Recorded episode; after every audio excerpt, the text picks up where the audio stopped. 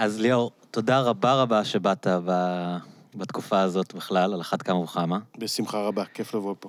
אמ, אז תראה, גם, גם בימים כתיקונם, היה לי מלא מלא דברים שאני רוצה לדבר איתך עליהם, ואני אה, רוצה שהשיחה הזאת לא תהיה רק אקטואלית, גם כדי שאם נגיד מישהו יקשיב לה עוד שנה, אז זה יהיה רלוונטי, אבל אנחנו חייבים, אה, נראה לי, להתחיל בלהתייחס קצת למה שאנחנו רואים מול העיניים שלנו בשבועיים האחרונים.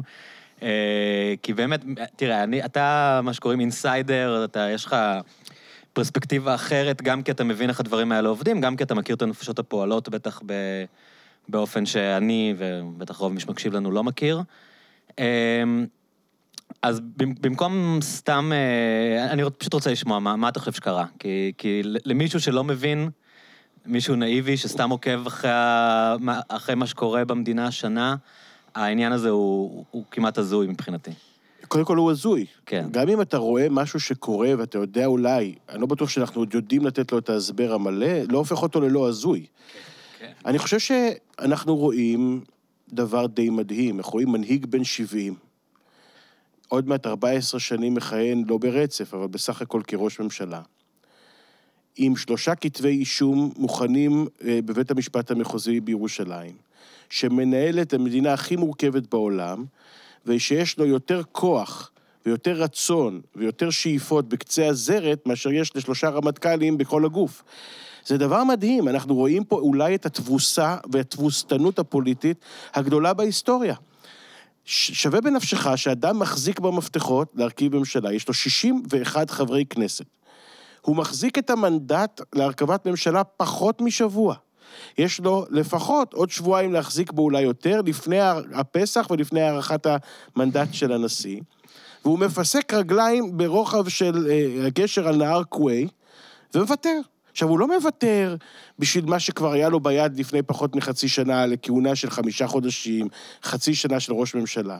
הוא נותן לו שנה וחצי בעיצומו של משפט, שלא היה לו את זה בקדנציה הקודמת. הוא נותן לו את זה עם שליטה מלאה על הכנסת.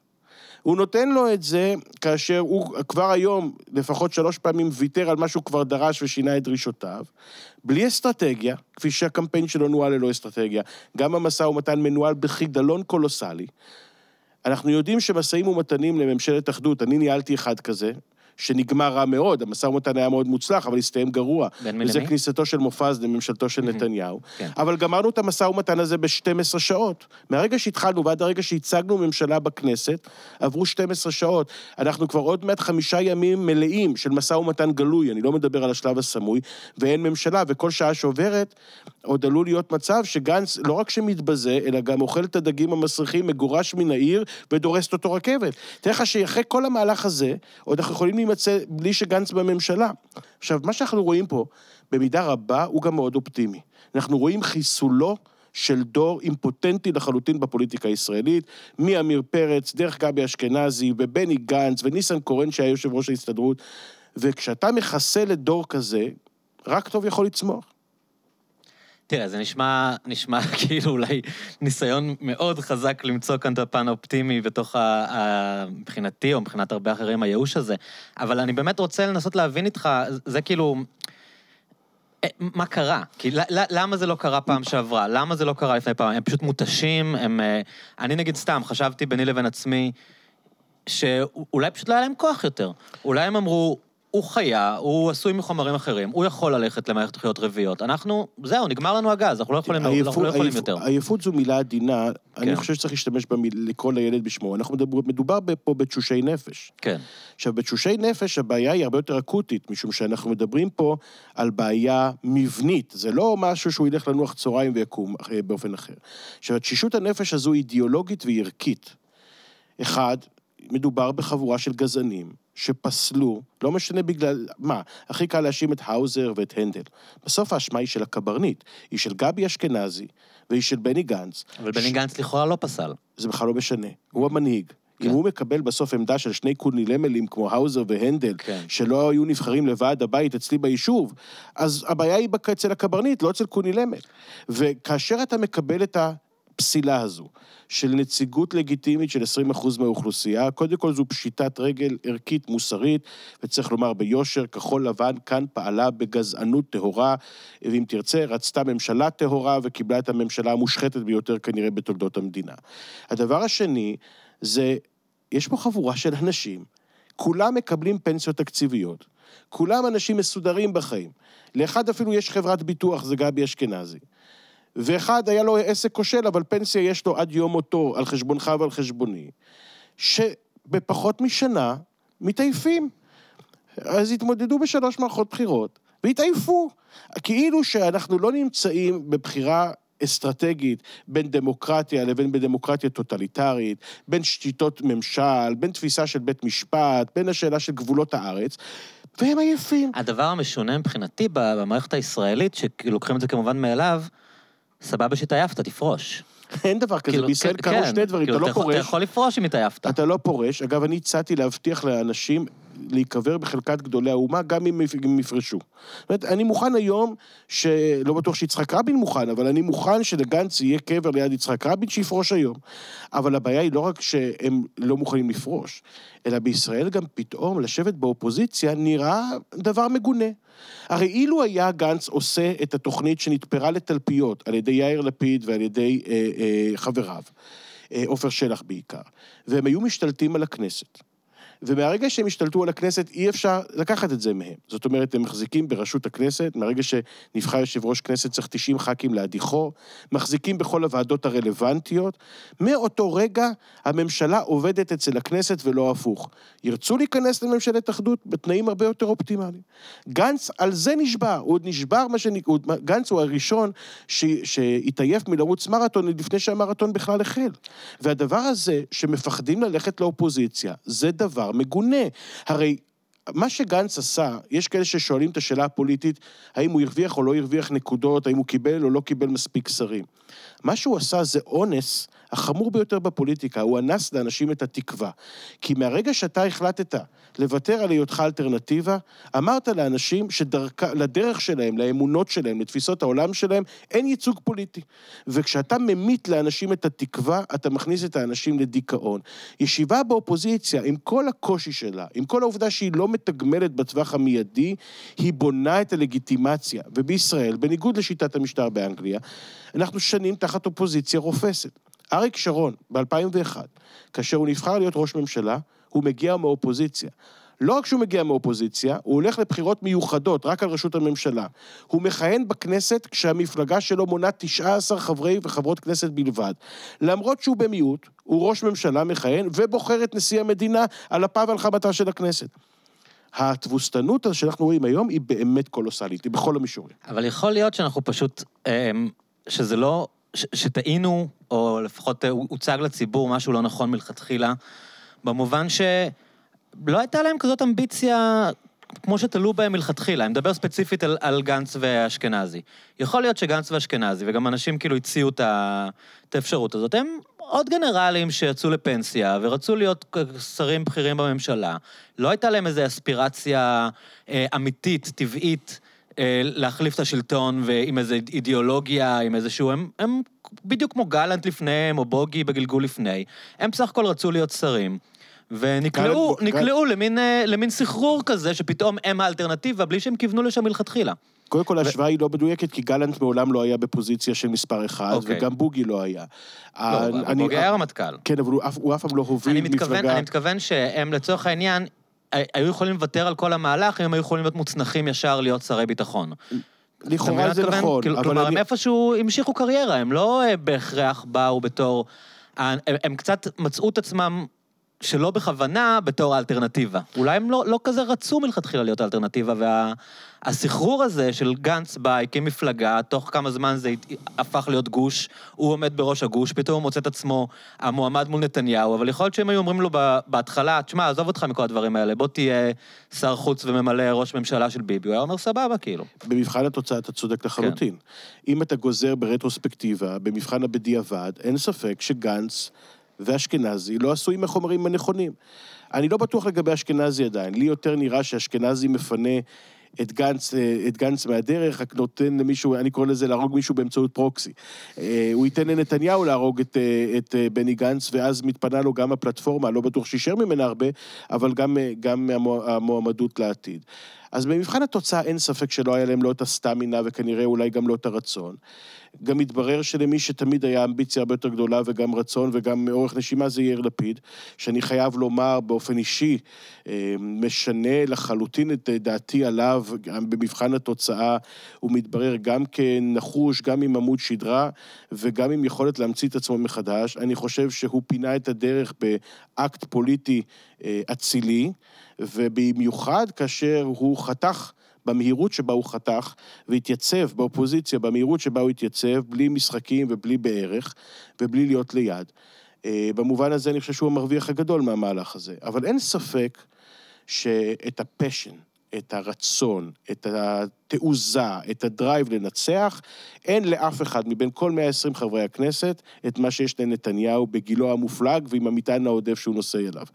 בסוף צריך לרצות את המשרה, צריך להילחם עליה, צריך, לא, צריך להיות, לעסוק בה 24-7, ואנחנו רואים, נתניהו אה, גם היום, בכל יום שעובר, עושה בית ספר לכחול לבן. היום נתניהו למעשה יכול להקים ממשלה גם בלעדיהם. זאת אומרת, יכול להיות שזה בכלל מהלך של לעשות את כל המשא ומתן הפומבי הזה כדי לפרק את כחול לבן, עד אה, רמה שזה כבר בכלל לא רלוונטי, הוא כבר לא צריך אותם, כי זה כבר... כשאני מסתכל על זה מבחינה אסטרטגית, אז המטרה קודם כל הושגה. פירוק של כחול לבן, שהצליחו איכשהו לבנות אלטרנטיבה, והוא פירק אותה. נתניהו הוא קצין הפירוקים הגדול ביותר בתולדות הפוליטיקה הישראלית. הוא החריב יותר מפלגות מאשר כל מועמד פוליטי אחר בתולדות המדינה, כולל מחק חלק מהם. אז את קדימה הוא מחק, והיום הוא מחק את, המפלג, את מפלגת העבודה עם כל הזכויות ההיסטוריות, היא נמחקה, נשמטה עדן. אה, הוא את כחול לבן מחק הלכה למעשה, היא לא קיימת יותר במתכונת שבו היא נוסדה, ולהערכתי הפירוק הזה יימשך. עכשיו, אחד משניים, אם הוא לא, אם, אם, אם מתפוצץ המשא ומתן בין כחול לבן לבין הליכוד, עדיין יש לו ממשלה, בין אם זה אה, הנזל וגרטל, כמו שמכנים אותם, יועז הנדל וצביקה האוזר, אורלי לוי שוודאי תישאר שם, אה, ואז הוא מרכיב ממשלה של 61, אה, כשהוא רק יכול לרצות את שותפיו, כי הם יקבלו לאין ארוך הרבה יותר ממה שהם יכולים לקבל היום עם כחול לבן בפנים.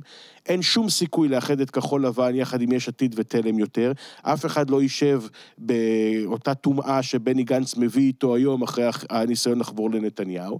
כחול לבן תתפרק בעצמה לשברי חלקיקים, כי כולם ראו את בני גנץ במערומה, והוא גרר אנשים טובים מאוד והגונים וישרים למקום שהיום אין, הם, הם לא רצויים בציבוריות הישראלית.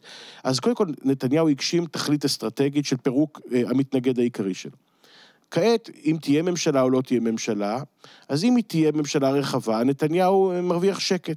ואז המבחן הוא האם מגיעים למועד הרוטציה בעוד שנה וחצי.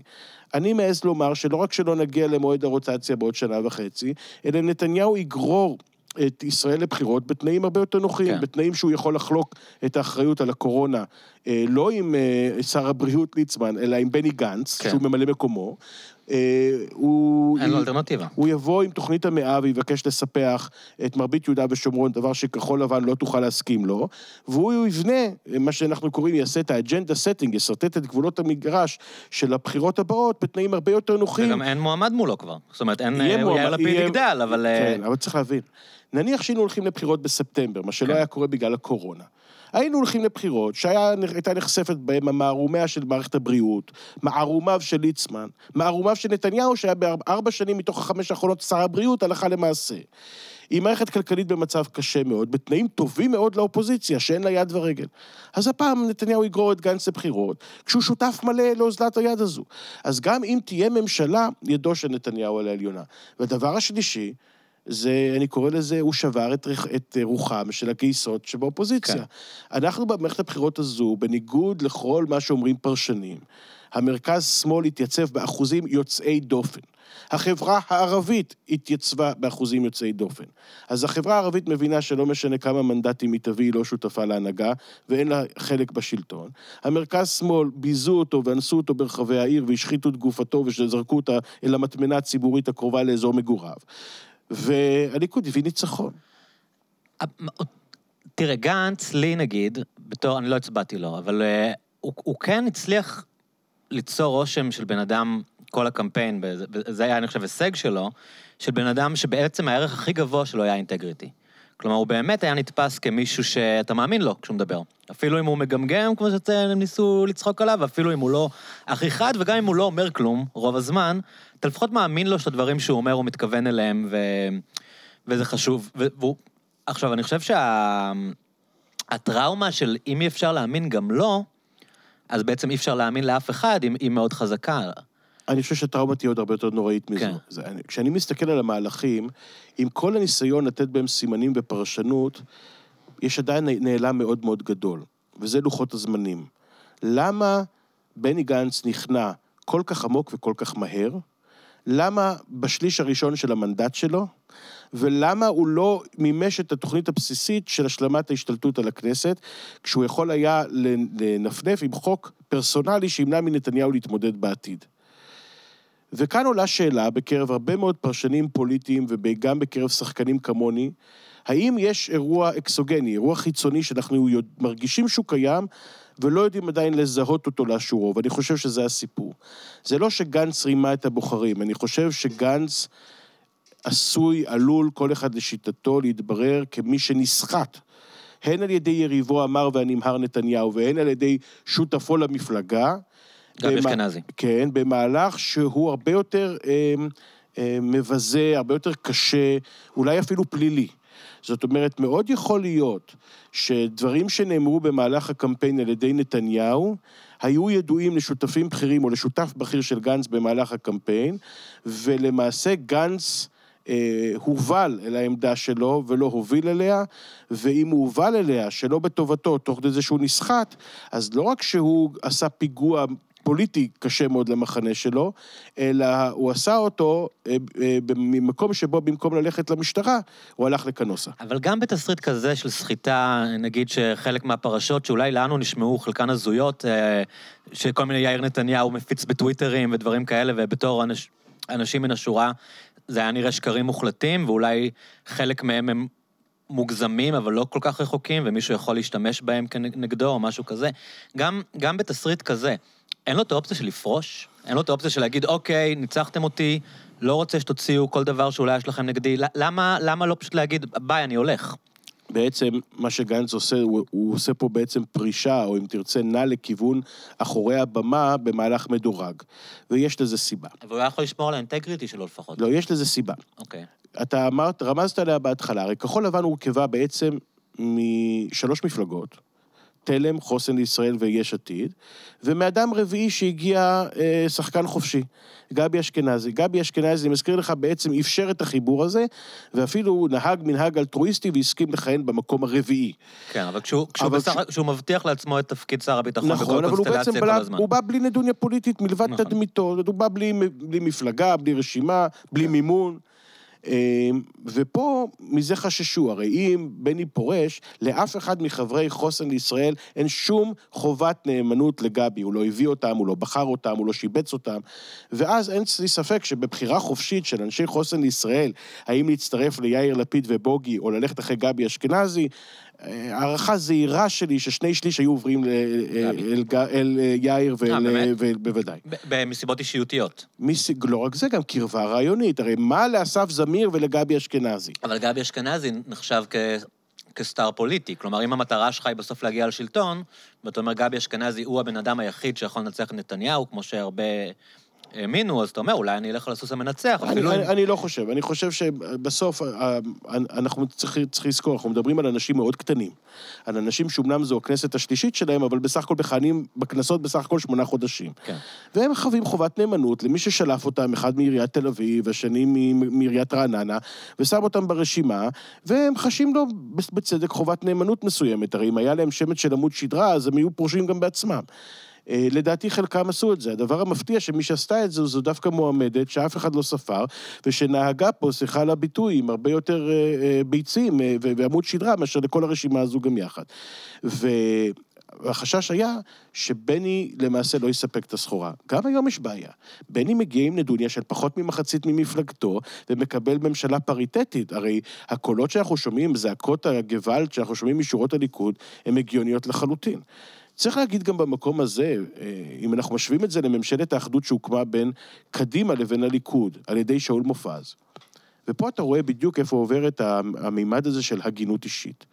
שאול מופז מצטרף לממשלה, לא הייתה קורונה, אבל היה ברמת דחיפות שאני לא יכול להרחיב עליה, מעבר למה שאומר כעת, הנושא האיראני היה ברמת דחיפות מאוד מאוד גדולה. Mm-hmm. ושאול מופז מצטרף למעשה לממשלה ולקבינט, כשיושבים שם, בקבינט המצומצם היו אמורים לשבת ארבעה. אה, שר, שר החוץ באותה תקופה איווט ליברמן, שר הביטחון אהוד ברק, ראש הממשלה בנימין נתניהו ושאול מופז. עכשיו, שאול מופז הסכים להצטרף לממשלה ללא תיק. הוא הגיע לשם למעשה כשר ללא תיק, ואף אחד אחר מקדימה לא צורף. מדוע? כי אנחנו, אה, היה לנו מה שנקרא benefit of the doubt.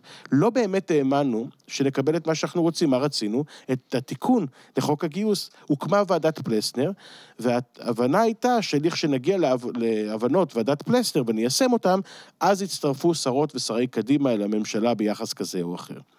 ומששוועדת פלסנר למעשה לא מומשה, שאול מופז עוזב את הממשלה. אפשר ללעוג לו עד מחר, אפשר ללעוג לי כמי שהיה יועץ במהלך הזה. היום אני אומר חד משמעות טעות קולוסלית, אבל, אבל בטעות הזו לפחות לא נשברו אמות המידה הערכיות והמוסריות שנשברים היום. אבל זה, זה בדיוק מחזק את המחשבה שאולי ל- לרובם, בסך הכל, זה די סבבה להיות שרים. כלומר, כל הטיעונים האחרים, אתה יודע, כולם אומרים... עשינו את המעשה הקשה, קיבלנו החלטה קשה. 15 שרים על 15 חברי כנסת, מה קשה בזה? כאילו, זה נראה לי... ברמה הפרסונלית... זה נשמע כאילו חיפשתם תירוץ. אה, ברמה הפרסונלית זה... אתה יודע, במקום ללכת למערכת בחירות רביעית, שהם כולם כבר רוצים למות, כל אחד מקבל עכשיו את התיק שלו, ובסדר, אז לא הצלחנו, ניסינו. ברמה הפרסונלית זה ודאי נחמד. אתה יודע, זה כמו... אבל, לש... אבל מה זה הרמה? זה, בסוף זה פרסונות מחליטות, כן, כאילו... אבל, אבל, אבל זה בדיוק מהותה של שחיתות ציבורית.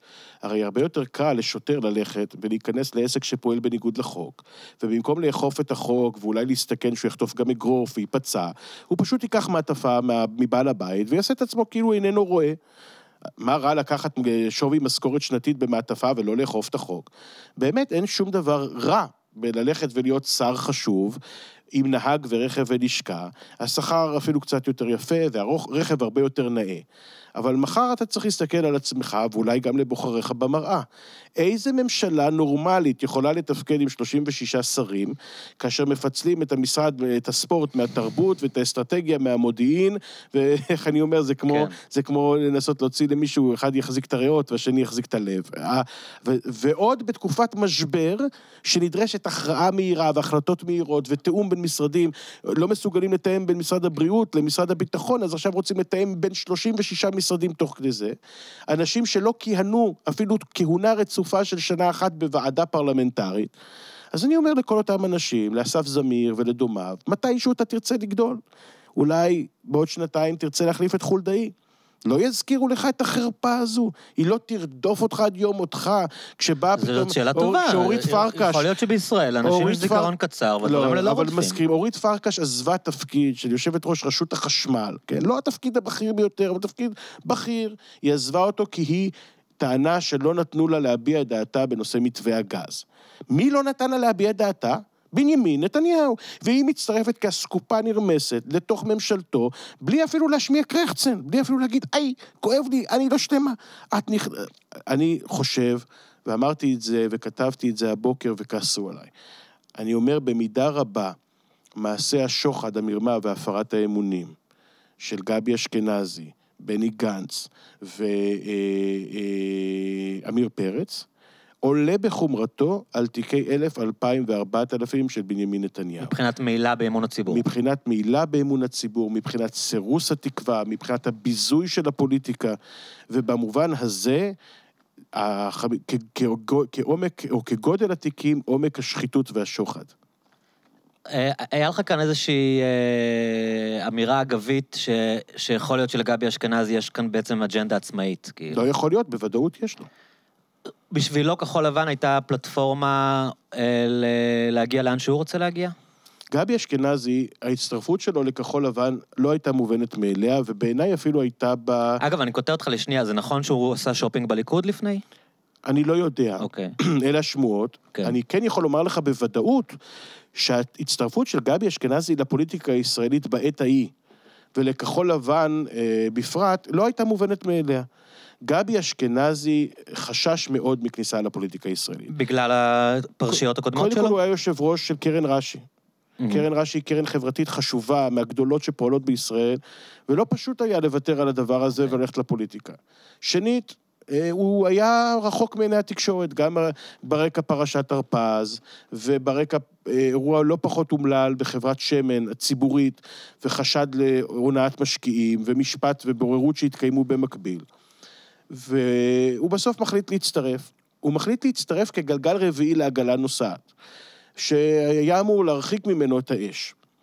ואני חשבתי שזו החלטה אמיצה. מבלי להיכנס לחשדות וכולי, זה לא רלוונטי, אדם קיבל החלטה אמיצה. אני חושב שגבי אשכנזי ער לכך שהאהדה הציבורית אליו היא גדולה כנראה מהאהדה לבני גנץ. כן. וקורה משהו לפוליטיקאים. הם מתחילים מגלגל רביעי של עגלה נוסעת, ומהר מאוד מת, מתאהבים בפוזיציה של העגלון, וזה לגיטימי. אני חושב שגבי אשכנזי, כלקח מפרשת הרפז, אה, בחר באסטרטגיה של מה שנקרא רצח באמצעות פרוקסי. את גבי, הוא מה שנקרא, הוא, יחז... הוא יהיה שם לצידו של בני גנץ עד שהוא ינפח את נשמתו האחרונה. רק שבמשפט יהיה ברור לכולם שאת הכדור ירה נתניהו. ואני חושב שבמובן הזה, לכן ראי, אני חושב שזה לא משנה ש, שגבי אשכנזי היה הכוח המניע והדוחף להקמת הממשלה ולפיאסקו הזה. האחריות כל כולה, ללא יוצא מן הכלל, היא על בני גנץ. הוא משחק, אתה חושב, משחק לטווח ארוך? כלומר, הוא מסתכל ימינה-שמאלה, אומר, אני כנראה הפוליטיקאי הכי פופולרי בישראל אחרי נתניהו, ומתי שנתניהו ילך ואני יכול לרשת אותו? קודם כל, אין ספק שבעיניו, ובטח בעיני יועציו, זו אסטרטגיה. אנחנו רק יודעים שאסטרטגיות מתהפכות. גדעון סער עד לפני אה, כמה שבועות נחשב היורש הכמעט טבעי של נתניהו, והיום אפילו לא מופיע ברשימת שרים, ברשימה של 36 שרים וסגני שרים. לא ברור בכלל אם הוא יהיה יושב ראש ועדה בכנסת הנוכחית. אה, הפוליטיקה היא מאוד אכזרית. אה, אנשים באים, אנשים הולכים, ברקע יש לך אה, את גדי איזנקוט, שהוא היום בוודאי מול כל הכנופיה הזו נראה כמלאך, על, על, כאביר על סוס לבן. אתה יודע, יאיר גולן פתאום נראה כאלטרנטיבה הרבה יותר מוחשית. ובכלל בליכוד לא אוהבים מוצנחים. אריאל שרון, כשהוא נבחר לראשות הליכוד, הוא נבחר לראשות הליכוד ב-2001 כמועמד לראשות הממשלה, ולפני כן כממלא מקום, אחרי למעלה מ-20 שנה שבו, שבהם הוא רכב והיה בשוחות. הרי הוא לא התחיל בליכוד, הוא התחיל מסיעת שלום ציון, שנכנסה לתוך הליכוד, ושירת בממשלות, אה, בממשלות הליכוד, ואחר כך הוא הורחק מתפקידו אחרי מלחמת לבנון הראשונה. הוא היה בליכוד והוא נלחם מלחמת שוחות, ואחרי בגין בא שמיר, ואחרי שמיר בא נתניהו, והוא קיבל את זה בסוף בכלל כאירוע של דיפולט. בנקודה שאף אחד לא רצה את זה כמעט. לא רק בנקודה שאף אחד לא רצה את זה, אלא אני זוכר ש... ב-2001... גם, גם התייחסו לזה כמין פיקדון זמני, כאילו יש כאן כזה שנתיים ואחרי זה ימצאו מנהיג אה, רלוונטי. אני, אני רוצה להזכיר לכולנו, ובעיקר למאזינים, ב-2001, כשהכנסת אה, אה, מתפרקת, נתניהו, סליחה, סליחה, אני חוזר בי. ב-2001, כשברק מחליט כן. להתפטר, כנסת לא מתפרקת. אז עוד יש לנו, זה למעשה, 2001 היא האירוע האחרון של בחירה ישירה של ראש ממשלה בישראל. בלי בחירות לכנסת. בלי בחירות לכנסת. חלים על פי החוק, מה שקראו אז בחירות מיוחדות, רק לראש הממשלה. שלמי שלא זוכר או צעיר מדי, אחד הדברים, הסיבות שזה קרה זה כי ברק בעצם רצה לחסום את נתניהו, נכון? אה, לא, הסיבה שהוא לא פיזר את הכנסת ורק התפטר. לא רק ברק, כן. היה פה אינטרס כן. גם לאריאל שרון. כן. אבל אז, אם אתה זוכר, בנימין נתניהו מתנה ואומר, אני אתמודד על ראשות הממשלה רק אם זה יכלול את פיזור הכנסת. Mm-hmm. אני לא מאמין שראש ממשלה יכול לשלוט עם מפלגה של 19 מנדטים. אה, ויש אה, פריימריז, אמורות להיות פריימריז. נתניהו לא מתמודד בסוף כי הכנסת לא מפוזרת, אבל מול אריאל שרון מתייצב סילבן שלום. ואני אה, אה, מספר למאזינים, כי זכיתי להיות שם, השקענו מאמצים אדירים לשכנע את סילבן שלום לא להתמודד. בתמורה הוא קיבל את התפקיד השני הבכיר ביותר בממשלה, בממשלת הליכוד, את תפקיד שר החוץ, אבל, הוא, אבל לא היה פשוט להסיר את מועמדותו. מדוע הסרנו את מועמדותו? כי כלל לא היה בטוח שאריאל שרון ייבחר. ובסוף אריאל שרון מתמודד, לא, הייתה התמוד... לא היו פריימריז ב-2001, מתמודד, מנצח את ברק בנוקאוט היסטורי של 25% פער, ושולט ללא מצרים אה, בכנסת, למרות שהוא מפלגה עם 19 מנדטים. בבחירות אחרי זה הוא גם מקבל את הרוב הפרלמנטרי העצום שהיה צריך. את, ואגב, האחרון שניצח את נתניהו. כן. אריאל שרון הוא האחרון שמנצח את נתניהו בפריימריז ב-2003, בניצחון של פער של 16 אחוז. כן, ליכוד ירד עד ל-13 מנדטים. לא, לא, לא. ב-2003 הליכוד אה, עולה. הליכוד מקבל 38, אה, יחד כן, עם שני, נכון. נכון, המועמדים כן. של ישראל בעלייה, משלים ל-40 מנדטים. נזכיר נשכחות, זה, זה אה, יולי, אדלשטיין. שהיה עם שרנסקי. והיה עם שרנסקי, והם מצטרפים לליכוד אחרי הבחירות, יש את, מה שנקרא הליכוד של 40 מנדטים. ולאחר מכן, כאשר קמה קדימה, כמובן, יש התרסקות של הליכוד. אבל אה, אריק שרון הוא למעשה האחרון שמנצח בבחירות את בנימין נתניהו, בבחירות פנימיות בליכוד. יכול להיות שמהלקח הזה ששרון, אה, אני חושב, מצוטט, אני לא יודע אם הוא באמת אמר את זה, שלא משנה מה המצב שלך, תישאר על הקרוסלה, תישאר על הגלגל. זה בעצם כל הפוליטיקאים שלנו מנסים להפנים את המסר הזה? בגלל זה אף אחד לא הולך הביתה? לא, אני חושב ש- למה, למה אף אחד לא מתפטר אף פעם? קודם כל, כי, איך אמרת, בציניות או שלא בציניות, למה להתפטר? כן. הפנסיה דופקת, הכנסת זה לא המקום העבודה הכי גרוע לעבוד בו, יש פגרה גדולה, יש פגרות ארוכות, יש אה, עובדים שלושה ימים בשבוע, אם אתה גם בא ממפלגה שאין בה פריימריז, אז אתה ב- בראשון וחמישי גם לא צריך ללכת לשום מקום, אה, אין לך, אתה לא צריך... להתחנף. להתחנף לחברי המרכז. אה, לא עבודה מאוד קשה. כן. אה, אבל מצד שני, אנחנו גם לא רואים פוליטיקאים מקצועיים. זאת אומרת, אריאל שרון, כשהוא מגיע לכנסת ב-74 עם מפלגתו, עם שלום ציון, הוא נמצא שלושה עשורים בפוליטיקה לפני שהוא נהיה ראש ממשלה. היום אנחנו רואים באמת סוג של פוליטיקה אינסטנט. ולכן, במובנים רבים, אני מאוד מאוד אה, למדתי להעריך דווקא את הסטמינה של אה, יאיר לפיד. הנכונות להיות שמה, הרי קדנציה ראשונה הוא מביא הישג דרמטי, 19 מנדטים, הוא מקבל את תפקיד שר האוצר. קדנציה קצרה מאוד של שנה וקצת. ואחר כך אה, הוא הולך להתמודדות, הוא סופג מפלה, הוא יורד ל-11 מנדטים, הוא משמש באופוזיציה, הוא ממציא את עצמו מחדש, מקימים מפלגה, הוא זז הצידה. ואני חושב שבמובן הזה, חלק מהבעיה היא הקומיטמנט, היא המחויבות של השחקנים האלה למהלכים ארוכי טווח. האופורטיוניזם הפוליטי הגיע באמת לממדים חסרי תקדים, בכל מובן. ולכן אתה באמת מזהה שהשחקנים המובילים הם השחקנים הוותיקים. אריה דרעי, שהיה שושבין לעסקה המתועבת שאנחנו רואים כרגע, אה, ליצמן, גפני, אלה פוליטיקאים, שאת מה שהם כבר שכחו, פוליטיקאים חדשים לא ילמדו, כי הם לא פה בשביל ללמוד את זה, הם, הם, הם, הם יתאדו הרבה לפני. אז יכול, יכול להיות שחלק מה, מהמחלה, או כל הניסיונות הכושלים שאנחנו רואים אה, להחלפת נתניהו, ב, אפשר להגיד, בעשור האחרון, אמ, בעצם זה מין השתלטות אולי, אני שואל אותך כקמפיינר, של קמפיינרים על האג'נדה. כלומר, כל פעם מנסים, מנסים למצוא איזה מועמד אה, שנראה כאילו ב, המציאו אותו בסשן של משרד פרסום, ואומרים, הוא האיש הנכון, אה, ובואו ניקח את המפלגה שלו וניתן לה איזה גוון ימני, ונצרף שם כמה אנשים, ונבנה איזה מוצר כזה שהציבור יאהב, לעומת באמת אה, מישהו שבאמת בא מאידיאולוגיה, באמת בא מעשייה לאורך שנים, וקנה לעצמו אמינות דרך הרגליים, במקום זה אומרים, אתה יודע, מחפשים את הגנרל היפה, שיהיה אפשר להצניח אותו ולבנות איזה מעטפת סביבו, שהדבר הזה בעצם נכשל שוב ושוב. זה קצת כמו הביצה והתרנגולת. יש בה הרבה מאוד אמת, אבל לא ברור מה קדם למה. האם היועצים קדמו לזה שהעצה היה אה, דרק, או שהעצה היה דרק ואז באו היועצים. כן. אבל בואו ניקח, בוא ניקח דוגמאות מוחשיות. כשאריאל שרון נופל למשכב בינואר 2006, מחליף אותו אהוד אולמרט מתוקף תפקידו כממלא מקום ראש הממשלה.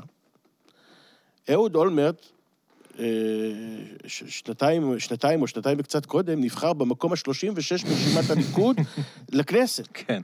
הוא בכלל שוקל עוד לחזור לעיריית ירושלים ולא לקבל על עצמו תפקיד שר התמ"ת. כן. והוא, אני זוכר את הבוקר שחזרנו מטיפול נמרץ בהדסה עין כרם, ועמדתי בחדר שמוביל ללשכתו של אריאל שרון, ואתה שומע את השיירה. אתה מסתכל מהחלון, כי אתה לפני עשר דקות היית בטיפול נמרץ, אבל זו השיירה של רוה"מ. ואז השיירה מגיעה, עוברת מתחת לכניסה של לשכת ראש הממשלה, ופונה ימינה אל משרד התמ"ת. זה היה הרגע שבו הבנתי שהסתיימה תקופה. שעתיים אחר כך אהוד אולמרט מוביל את ישיבת הממשלה המיוחדת, הוא מתמנה בפה אחד כממלא מקום. ראש ממשלה אה, בפועל. ש- והופך להיות ראש הממשלה בפועל. עכשיו, אהוד אולמרט מוביל את קדימה להישג של 29 מנדטים, אבל זה אדם שהיה, לפני שהוא היה ראש עיר, היה כבר שר, ואחר כך ראש עיריית ירושלים, ושר אוצר, והוא רץ לראשות ממשלה, פוליטיקאי מנוסה מאוד. אה, קשה להיכנס לתפקיד הזה, אבל לחלוטין הגיע בבשלות גדולה מאוד לתפקיד. והוא משלם, אגב, מחיר של מעשיו טרום מינויו, אה, בעבירות הפליליות ובחקירות שבאו לאחר מכן. כשהוא למעשה מתפטר מכהונתו, מחליפה אותו ציפי לבני. גם כן עם ניסיון אה, לא מבוטל, והיא מגיעה מאוד קרוב להישג. אבל אם אתה מסתכל מה קרה במחנה המרכז-שמאל מאותו רגע, למעשה, הניסיון להביא שחקני רכש חדשים, טירונים פוליטיים, הוא מעשה שנכשל. עכשיו, הוא לא נכשל רק בהיבט הפרסונלי. הוא נכשל גם ב- ב- בעוד שני פרמטרים מהותיים. אחד הוא כרגיל הפרמטר הרעיוני. מוצרים, לא משנה אם הם מוצרים מסחריים, או בוודאי אם הם מוצרים ציבוריים, אם אין מאחוריהם ערך, לא במובן הכלכלי, אלא במובן הרוחני, הפילוסופי, הם לא נשארים אה, לאורך זמן. ומה שאתה רואה זה איזשהו ניסיון לנסות לגשר על פערים אידיאולוגיים באמצעות הרכבה של שעטנז פוליטי. כן. שעטנז הפוליטי בהגדרה התפרק בנקודות מבחן.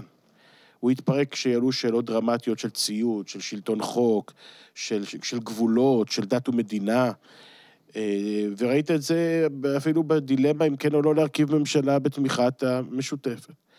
והדבר הזה, השמאל, אה, השמאל משלם עליו מחיר עצום, כי הוא לא מוכן להשקיע בתשתיות.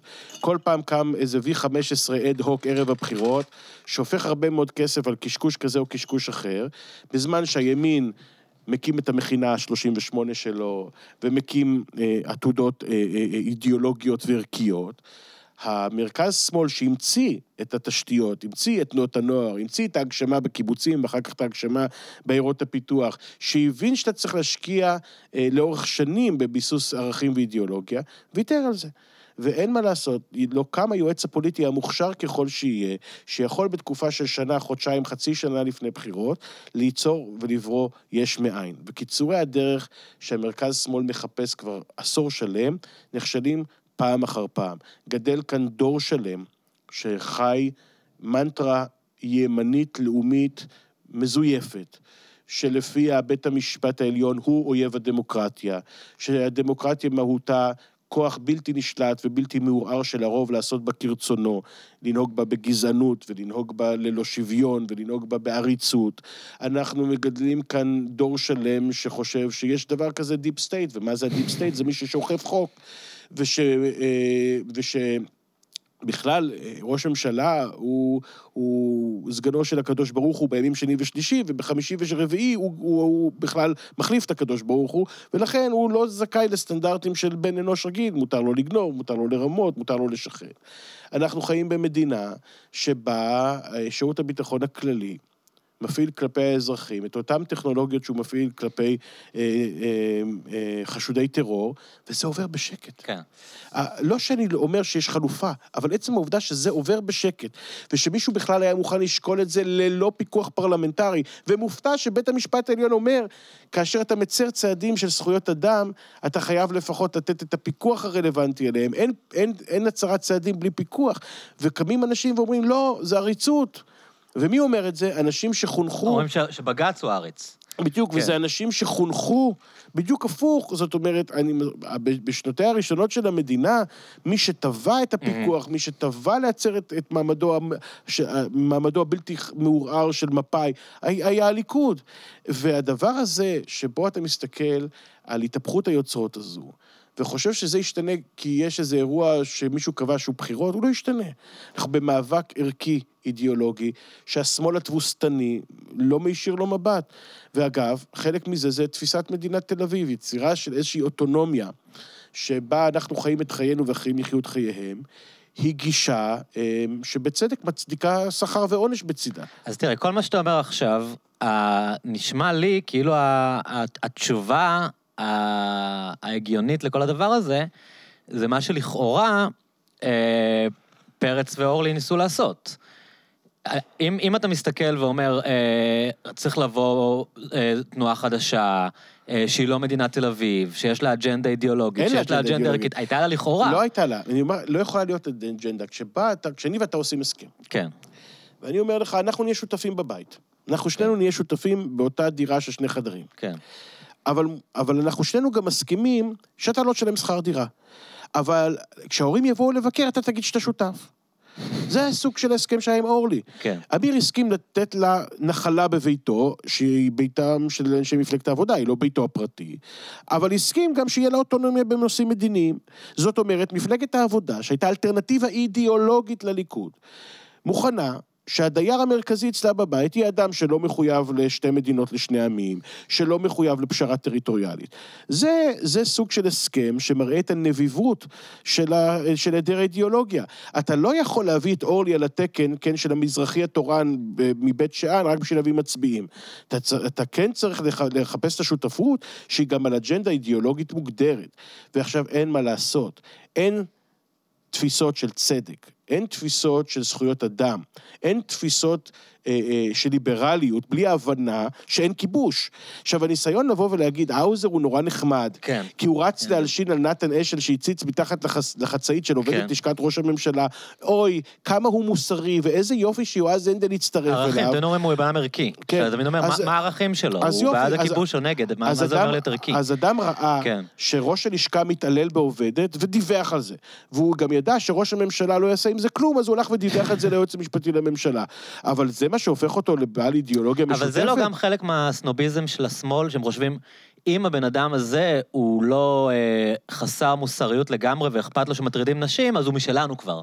אתה יודע, אם, אם הבן אדם הזה, אה, יש לו איזשהו כבוד לבג"ץ, אז הוא כבר משלנו. כלומר, לא, לא לראות, לראות כל כך את העולם ב"הם רעים, אנחנו טובים", שכל בן אדם שמסוגל לבקר את נתניהו, או מסוגל להגן על בית משפט, או מסוגל לתמוך בזכויות להט"בים, אז הוא כבר, אה, הוא משלנו, בסדר, אה, כיבוש, לא כיבוש, תסתדר איתו כבר. אז בא אמיר, אה, כן. בא, בא שר, שר המשפטים, אה, שר המשפטים, אמיר אוחנה. כן. והוכיח שאפשר להיות הומו ופשיסט. כן. ואפשר להיות הומו, ונגד בית המשפט העליון. כן. ואפשר להיות הומו, ועדיין להציע ליושב ראש הכנסת אה, לא לקיים את אה, פסיקת בג"ץ. חוסר ההבנה, שהיא הבנה בעיניי אה, בסיסית, שזו תפיסת עולם שלמה, היא לא שמיכת טלאים. תפיסת העולם הזו, שבמידה רבה מסוגלת לרצות ולא לוותר, ולתת ביטחון מלא לתושבים, ואם בא, והקם להורגך השכם להורגו, היא תפיסת עולם שידעה לחיות באותה מידה עם טוהר הנשק, וידעה להעניש את מי שפגע בחסרי ישע, ועדיין להבין שזה לא סותר תפיסות ביטחוניות. והיא ידעה שאין מנוס אולי מכיבוש, אבל צריך לחתור להסדר, כי לאורך זמן אי אפשר, כיבוש משחית. והיא ידעה שצדק חברתי וצדק חלוקתי לא נעצר בקו הירוק. אתה לא יכול להיות מדינה שנלחמת על צדק חברתי בזמן שמישהו אה, הולך בחסותך וגודע מטעי זיתים. או שורף אותם. התפיסה ההוליסטית הזו, משהו בה השתבש מתוך תבוס, גריעה תבוסתנית מוחלטת של מחנה השמאל. העובדה שקם אלוף בצה"ל, ומתוקף תפקידו כאלוף בא ואומר, ונותן בהם סימנים, ושהדבר האמיץ, האמיץ הזה... אתה מדבר על יאיר גולן. כן, ושהדבר האמיץ הזה לא נאמר על ידי פוליטיקאים מהשמאל, הוא נאמר על ידי סגן הרמטכ"ל. היא בעיניי פשיטת הרגל המוסרית הכי גדולה של הפוליטיקאים. אתה לא יכול לנהל ויכוח ערכי, בלי להיות ישר ואמין וישיר ועם איזשהו תוקף מוסרי ומצפוני. יש לי ויכוח, בסופו של דבר, הכניסה של גנץ האפשרית לממשלה, שם השבר הגדול. משום שהלגיטימציה שאתה מוכן לתת לראש ממשלה נאשם בשוחד מרמה והפרת אמונים, לא יכולה להיות ממורקת גם לא על ידי חיידק ונגיף שנקרא קורונה. אז מה, מה קורה בעצם? למה, למה השמאל לא מצליח? הם חסרי סבלנות, הם רוצים להחליף נתניהו עכשיו, אין להם אה, אה, ראייה לטווח ארוך של להגיד, אנחנו נקים תנועה אמיתית, וגם אם נפסיד עכשיו, עוד אה, עשר שנים התנועה הזאת אה, תהיה אלטרנטיבה אמיתית, מחפשים, אומרים, אה, העם ימני גם ככה, אז בואו נביא מישהו שנראה קצת כמו ימני. כלומר, הם... למה, למה, כי הרבה, הרבה שנים מדברים, הרבה אנשים מדברים על מה שאתה אומר. זה נובע מחד-ממדיות. כן. בעיקר, אגב, משום שרוב מנהיגי השמאל האחרונים היו מנהיגים מדיניים. פה דווקא הייתה תקווה בסוג של מנהיגות חברתית מהסגנון של עמיר פרץ. נכון. זאת אומרת, עמיר דיבר על השטחים ועל ההשקעה בשטחים במקום התנחלויות בקמפיין של 88. נכון. ופה קיוו שפתאום יבוא באמת מנהיג שמסוגל לבטא גם את התפיסות השמאליות החברתיות. רוב המנהיגים של השמאל של שנות אה, אוסלו היו בעלי עמדות כלכליות בטח. ליברליות ומדיניות שמאלי- שמאליות. דווקא פה יש הזדמנות גדולה.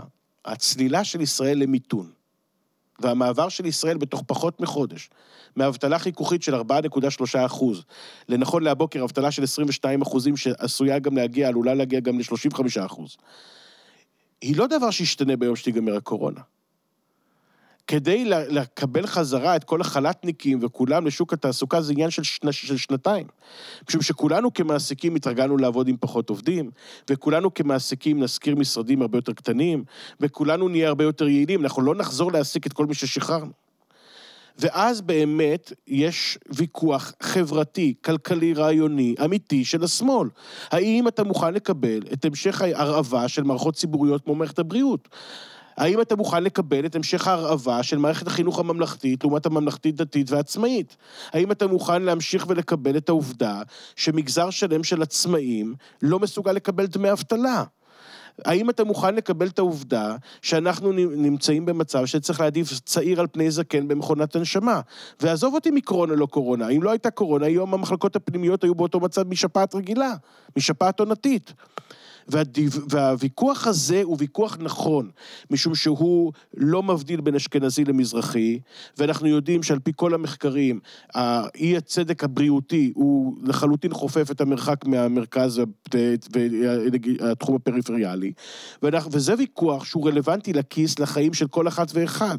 הוא לא קשור לשאלה היחידה של כן שטחים, לא שטחים. זה כש- ויכוח שהשמאל נעדר ממנו. אבל פ- פרץ אה, ניסה במערכות הקודמות אה, פרץ לדבר לא על ניסה, זה. פרץ היה שר ביטחון, כן. ו, אה, ודרש תוספות של מלחמת לבנון השנייה, בצדק, לימ"חים הריקים ולכיפת נכון. ברזל, אבל בסופו של דבר אנחנו רואים פעם אחר פעם שעשרות רבות של מיליארדים שהולכים ל-F-35 ולהגנה על טילים, הם, אנחנו בונים ארסנל מדהים. בסוף על מה אנחנו נופלים? על הנגמשים ממלחמת קוריאה בצוק איתן, ועל העובדה שאין מכונות הנשמה בבתי החולים. אנחנו בסופו של דבר הצבא המצויד ביותר מבין הצבאות המערביים, עם הטכנולוגיה הטובה ביותר, אבל שלא מסוגל לתת אה, טיפול בסיסי לקשישים שלו. אנחנו מדינה שבה בבחירות הבאות, האנשים מעל גיל 65 יהיו נתח האלקטורלי המרכזי בחברה הישראלית, לרובם אין פנסיה שמ- שמסוגלים לחיות ממנה. הדיונים האלה, שאיציק שמולי, אגב, היה חלוץ לפני המחנה, ואלמלא בגידתו הגדולה בימים אלה, יכול היה להיות גורם מאוד מאוד מרכזי בהמצאה החברתית-כלכלית חדשה של השמאל הישראלי. אה, גם הוא, כשהגיע הרגע הקובע, העדיף להצטרף כשותף לליצמן, במקום כקונקורנציה, כמישהו שמסוגל להציג אלטרנטיבה. וזו הבעיה. יש אנשים טובים, יש אג'נדה נכונה. רק אין את האנשים שמבינים שצריך גם אורך רוח בלשכנע, זה לא אינסטנט. איזה כלל אצבע אתה יכול להציע כדי לדעת מי- מי לא יבגוד בך, אתה מבין? אני לא מאמין, אני. לא מאמין בכללים. אני חושב שאחד לא, הדברים... אבל איך, כי אתה אומר לי שמולי, אוקיי, אז הנה, אני- שמולי רץ על הדברים האלה, והוא גם מצטרף, כלומר, למה- מה נשאר? למ- למה, איך אני, פעם הבאה שיבוא שמולי חדש, אני אהיה שקט להצביע לו לדעת שהוא לא הראשון שהצטרף אחד, אין לנתניהו. תעודות ביטוח. כן. קלנטריזם, או אורלי לויזם, או שמואליזם, כן. או גנציזם, יש uh, כנראה תמיד יהיו. אני בעצמי, ביום חמישי, כתבתי לחבריי בטוויטר, שאמרו לי, נו, אז הבא בתור זה איציק שמולי, אמרתי, אין מצב. כן. עכשיו, לא אמרתי אין מצב כי ניחשתי. שוחחתי איתו ביום חמישי בבוקר. יאללה. אה, את דעתו של איציק שמולי על עמיר פרץ, היא, היא בערך כמו הדעה של אה, בנימין נתניהו על יאסר ערפאת. הרי השניים לא דיברו כל הקמפיין. והנה הוא נגרר. התשובה צריכה להיות מאוד ברורה. הפוליטיקאים עובדים אצלנו. החוק צריך להיות מאוד ברור. פוליטיקאי שנבחר ברשימה, הוא בוחר מכל טעם שהוא לא להיות חלק מהרשימה, שמורה לו הזכות לקום ולעזוב אותה. נכון. לא עזב אותה, הוא יהיה באופן אישי פסול מלהתמודד לשלושת הכנסות שתבואנה אחריה. ואז אני בא ואומר, אם אתה החלטת שיש הצבעה מצפונית שאינך יכול להצביע כחלק מהסיעה עליה נבחרת, אבל מאחר ונבחרת כחלק מהסיעה, אין בעיה. תצביע הצבעה מצפונית. אבל תדע לך שיש עליך עונש, לא תוכל להתקרב לכנסת שלוש כנסות אחר כך. משום שמה שקורה כרגע, בגידה כל כך משמעותית בבוחר, כפי שהיום מפלגת העבודה וכחול לבן מבצעים, תהיה, תחייב חקיקה של חוקים מאוד מאוד דרמטיים. משום שאחרת אין ערך לדמוקרטיה. ההונאה של מצביעים, וזה לא משנה אם זה מימין לשמאל או משמאל לימין, והיכולת להונות מצביעים מבלי לשלם על זה את המחיר, וכל פעם לדלג ממפלגה למפלגה ולהעביר את המימון הציבורי ממפלגה למפלגה, היא דבר בלתי מתקבל על הדעת. אני גם אומר לך שזה יסוד השחתת מידות, משום שמישהו יכול לתגמל על המעבר הזה. עכשיו, פעם אחת זה יכול להיות המיצובישי של אה, גולדפארב, ופעם שנייה זה יכול להיות אה, כסף קיימן למי מחברי הכנסת. ואת זה צריך להפסיק. אתה החלטת להתמודד עם סיעה שמאלית, קח בחשבון שהסיעה הזו תתמוך במהלכים שמאליים. במיוחד שאף אחד לא הצביע לך, הצביעו לרשימה. נכון. אם אתה מועמד עצמאי שנבחרת בבחירות ישירות כמו בארצות הברית, זכותך לעבור מצד לצד, אבל אני לא הצבעתי לך. אתה יודע, כל מיני אנשים שכאילו, אני לא יודע את השמות שלהם. העובדה אה, שפנינה תמנו שטה, כן. שאני מאוד אוהב ברמה האישית, הייתה סטודנטית כן. שלי, אה, בחרה לערוק, היא בחירה מצפונית, אני מכבד אותה. אבל יש מחיר לבחירות מצפוניות. גם סרבני מצפון שמחליטים להפר פקודה בצבא או לא להתגייס, הם לא יכולים, הם, הם, הם צריכים, הם יודעים שיש לזה עונש, יש מחיר. לא יכול להיות מצב שאתה מצד אחד עושה מהלך שאני חושב שהוא אה, אה, תועלתני, אתה חושב שהוא מצפוני ומוסרי, והוא עובר בלי, בלי עונש. זה לא יכול להיות, אין מערכות של שכר. מה זה בלי עונש? עם פרס. עם פרס, נכון. כן. עם, אגב, בוא, בסופו של דבר, כל אחד מאלה שעבר קיבל תמורה. כן. מבחינת החוק הפלילי, זה מה שנקרא אה, אה, שוחד. קבלת דבר במרמה. אלא מה? הסכמים פוליטיים לא כפופים לאכיפה הזו. אבל אם למשל פנינה תמנו שטה הייתה מקבלת במקום תפקיד של שרה, תפקיד של מנכ"ל, זה היה עומד בכללים של עבירת שוחד. כי היא קיבלה עבודה. אז מה ההבדל? ולכן אני, אני חושב שאנחנו נצטרך ללכת, אני חושב שהכנסת נמצאת היום במצב, משמאל ומימין, של פשיטת רגל שכמוה לא הייתה. אני עוד זוכר את עצמי בהפגנה של מושחתים נמאסתם, על העסקה עם, אה, עם, עם ש"ס אה, ב-1990, אחרי התרגיל המסריח של שמעון פרס. אני זוכר שהייתי ערב הגיוס שלי לצה"ל, ולילה לפני הגיוס עוד, עוד באתי עם קבוצה לכיכר אה, מלכי ישראל, עם חולצות של נוער עבודה. רצו לגרש אותנו כי העבודה עמדה מאחורי התרגיל המסריח, ואנחנו כנוער עבודה לא הסכמנו עם זה. אמ, ואם אתה מסתכל היום על מה שקורה ב-72 השעות האחרונות לעומת התרגיל המסריח, התרגיל המסריח ריחו נפלא, הוא מלא ריח פרי הדר לעומת מה שקורה היום. אה, טוב, בזמן שאנחנו מדברים יש כאן אה, התפתחויות נוספות, אבל אולי כדי שלא אה, נשאב רק לעניינים האלה, כי באמת זו הזדמנות כבר עד שבאת לכאן, ויש באמת דברים שמעניין אותי לדבר עליהם. מנהלי קמפיין. אה, אתה בעצם שייך לדור ה... לא הייתי אומר ראשון, אבל אחד וחצי נגיד, של התקופה שבכלל אה, ידענו מי הקמפיינרים. כמו strategist, מה שקוראים באמריקה, שתמיד אנחנו מכירים אה, דמויות כאלה שמנהלות את הקמפיינים, והם הופכים להיות דמויות ציבוריות בעצמן. בקמפיין האחרון, יש הרגשה שהדברים כאילו ממש, הם הפכו להיות, איך אני אגדיר את זה? שחקנים ברמה של משתמשים בהם כבר, אתה יודע, ראינו את ישראל בכר נסחט, ו- ורונן צור בא לטלוויזיה ומאשים אותו, ואתה כבר לא יודע, אתה יודע, אם הם בתוך האג'נדות שלהם או בתוך האג'נדות של המפלגות, כלומר, בתור בן אדם שאמור להסתכל על פוליטיקה ועל אנשי ציבור, אתה פתאום רואה את הפונקציונרים, ואתה, ואתה אומר, מה, מה, אתה יודע, גם רציתי לשאול אותך, האם, בכלל, מה אתה חושב על העניין הזה? האם, האם הם צריכים להיות אנשי ציבור בפני עצמם? האם הם צריכים להיות באולפנים אה, להתראיין? וגם, אולי אחרי זה, יש הרגשה שהמשחק הזה פשוט הולך ונהיה יותר מלוכלך, למרות שהוא ברעיון של האנשים אמור קצת, אה, אתה יודע, אנשי סתרים כזה מלכתחילה, אבל זה נראה שזה מגיע למקומות שהם כבר מלחיצים מבחינת רמת ה... אנשים שמקליטים אחד את השני, רמת המניפולציות האישיות שמפעילים. אז זה קצת סתם לשמוע חופשי. אמר, העליתי כאן הרבה דברים שהתערבבו לי, אבל אני בטוח שאתה תעשה מזה סדר. קודם כל זה בסדר, אתה יודע, כן. אני חושב שבאמת ה... אין, אין פה שחור ולבן. כן. יש פה הרבה מאוד גוונים של אפור. אבל בוא נתחיל מהצד המוסרי. Mm-hmm. בצד המוסרי, מנהלי קמפיינים, הם לא אמורים להיות ישות נפרדת. הם בסוף אה, הסנדלרים של מעצבי הנעליים.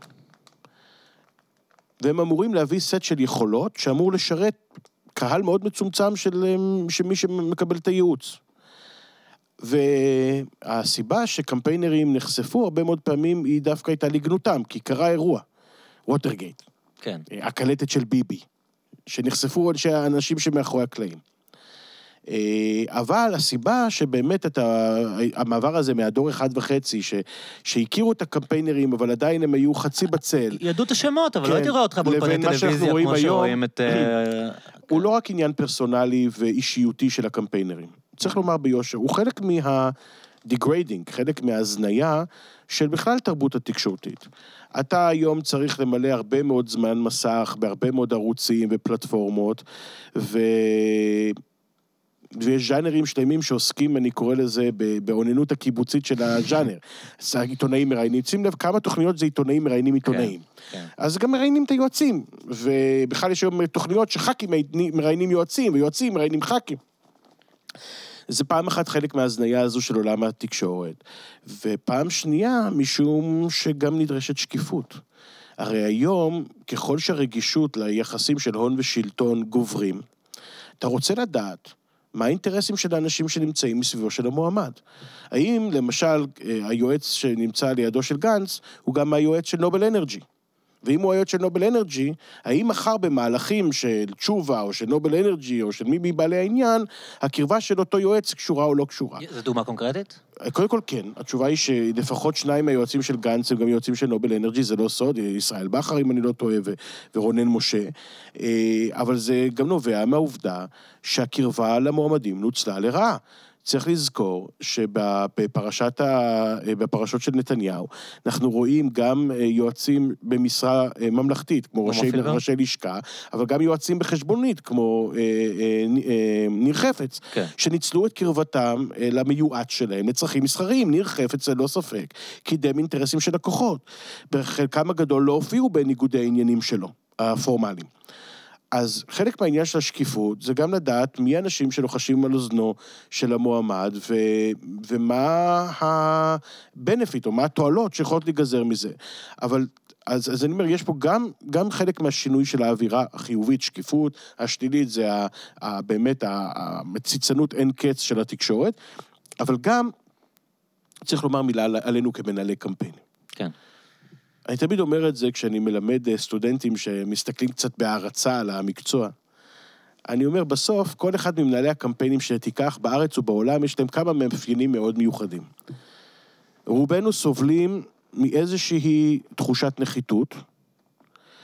לכולנו יש איזושהי בעיה עם השכלה פורמלית, וכולנו בסוף פוליטיקאים בפוטנציה שלא היה להם אומץ ללכת עד הסוף. רגשי נחיתות נובעים מזה שאתם מרגישים שאתם לא מקבלים את הקרדיט על ההישג? שאנחנו לא. שהמועמד מקבל את הקרדיט ואתם... רגשי נחיתות באים לכך שאת העצות הטובות באמת שנתנו, אנחנו לעולם לא נוכל לספר, Mm-hmm. ואלה שמאיתנו התפתו וסיפרו לא יכלו לייעץ אחר כך. מעט מאוד יועצים כתבו ספר וחזרו לעסוק במקצוע. זה כמעט בלתי אפשרי. אז כל פעם שאני מקבל הצעה לכתוב ספר, אני לוקח בחשבון שזה כנראה הגעתי כבר לגיל שלא... קצת כמו אנשי מוסד. אה, כן. אבל זה, זה מהותי להיות איש צללים בעצם. נכון, איש באמת רואה חברי הטוב אלדד יניב, ש... שרף את עצמו לצורך העניין. אתה אומר שרף, הוא יגיד ניקה את מצפונו, אוקיי. או מירק את מצפונו, כן. כל אחד, אני, אני מכבד את זה, כן. כן, אבל אה, אני יכול אף אחד לא יעסיק אותו יותר אני יכול כ- מאוד להבין כ- למה אף אחד אנשים לא יעסיק אותו כקמפיינר ואגב. הוא מבין את זה, והוא כן. גם לא מציע את עצמו כמנהל קמפיין או כיועץ, וזה בסדר, זה חלק מה trade off. הדבר אבל החשוב ביותר הוא, ואני אומר את זה על עצמי, אני לא רוצה להגיד את זה לגבי הקולגות שלי, למה אני הלכתי לייעוץ אסטרטגי? חלק מזה זה מזל. הייתי מוכשר מספיק ועם, ועם במקום הנכון, בזמן הנכון, כדי להציג את יכולותיי. אבל גם כי בגיל צעיר מאוד הבנתי שאין לי, למזלי בגיל צעיר, אין לי את הכוחות שיש לפוליטיקאים. אני לא מסוגל ללכת ל... ולעבור את המסע המאוד סזיפי הזה. אבל מצד שני, אני מאוד רוצה להשפיע. שמסע סיזיפי אתה מתכוון על הקשר הבלתי אמצעי עם אנשים ביום-יום כן, נגיד? שזה גם עניין של תכונות בר אופי. מצוות כן. וסבלנות ואני וכל לא אומר נודניק את זה שחופר לך. לגנותם. אני מדבר על זה שאין לי את תכונות האופי הנדרשות. ומצד שני, עדיין יש בי המון המון רצון להשפיע. אז איך אתה יכול להשפיע מבלי לעמוד לבחירה? או ששפר מזלך ו- ומפלגה ש- שיש לה ועדת מינויים ושיבוצים בחרה בך, והעניקה לך את האופציה הזו, ובשנים האחרונות יש יותר ויותר מפלגות כאלה. אה, אבל בתקופתי לא הייתה אפילו אחת, אלא אם הייתה מפלגה חרדית. אה, ונורא רציתי להשפיע, ובגיל 26, כשהבנתי שאני לא בנוי לפעילות הסזיפית הפוליטית, פתאום ראיתי שאני יכול לתת אה, מיכולותיי ולהשפיע במקומות שלא חלמתי להגיע אליהם, אה, ולעשות, אה, אני מקווה, טוב. גם רע, אבל אני משתדל היום לעשות בעיקר טוב. הדבר הזה, ככה לפני רונן צור, רונן צור היה חבר כנסת שלושה חודשים, ברשימת העבודה. ברונן צור, שאנחנו רגילים לראות אותו בהזדמנויות כיועץ מאוד מיליטנטי, כסאחיסט, כן. ברונן צור בסוף יש הרבה מאוד מהתכונות האופי של משרתי ציבור. אמ, אבל הוא לא, הוא לא משרת ציבור. ואצל הרבה מאוד מהיועצים האסטרטגיים חבוי פוליטיקאי מתוסכל. רציתי לשאול אותך, באמת, אפרופו דיברנו קצת, נראה לי זה מאוד קשור לשיחה, לחלק הראשון שדיברנו על, ה, על מה שקורה בפוליטיקה הישראלית. אה, בארצות הברית, אנחנו מכירים שהאסטרטגים הם או שאתה אסטרטג ליברלי או שאתה אסטרטג שמרני. כלומר, האנשים שעובדים ב, ב, בתור אסטרטגים במפלגה הדמוקרטית, הם ייצגו מועמדים דמוקרטיים באשר הם, בין אם זה לראשות עיר ובין אם זה למושל, ואם יזדמן אה, לסנאט, אבל הם, המחנה שלהם ברור, והם אסטרטגים שיכולים להצדיק אידיאולוגית את העבודה שלהם. בישראל, אני לא יודע, אני לא מכיר מדינות חוץ מארצות הברית איך זה עובד, אבל אתה רואה אנשים כאילו עוברים לייעץ מצד לצד. אה, מה, מה אתה חושב על התופעה הזאת? זה, זה נורא משונה, לא כאילו... זה לא וגם, משונה. וגם זה מעיד לרעה, אני חושב, על הפוליטיקאים. לא, זו שאלה מבנית. Okay. אוקיי. זו שאלה מבנית. והיא שאלה גם של חולשה. זאת אומרת, בארצות הברית, הייתי אומר עד הבחירה של טראמפ, כי טראמפ שבר גם את המוסכמה הזו. המפלגה הייתה חזקה לאין ארוך מהמועמד שלה לנשיאות.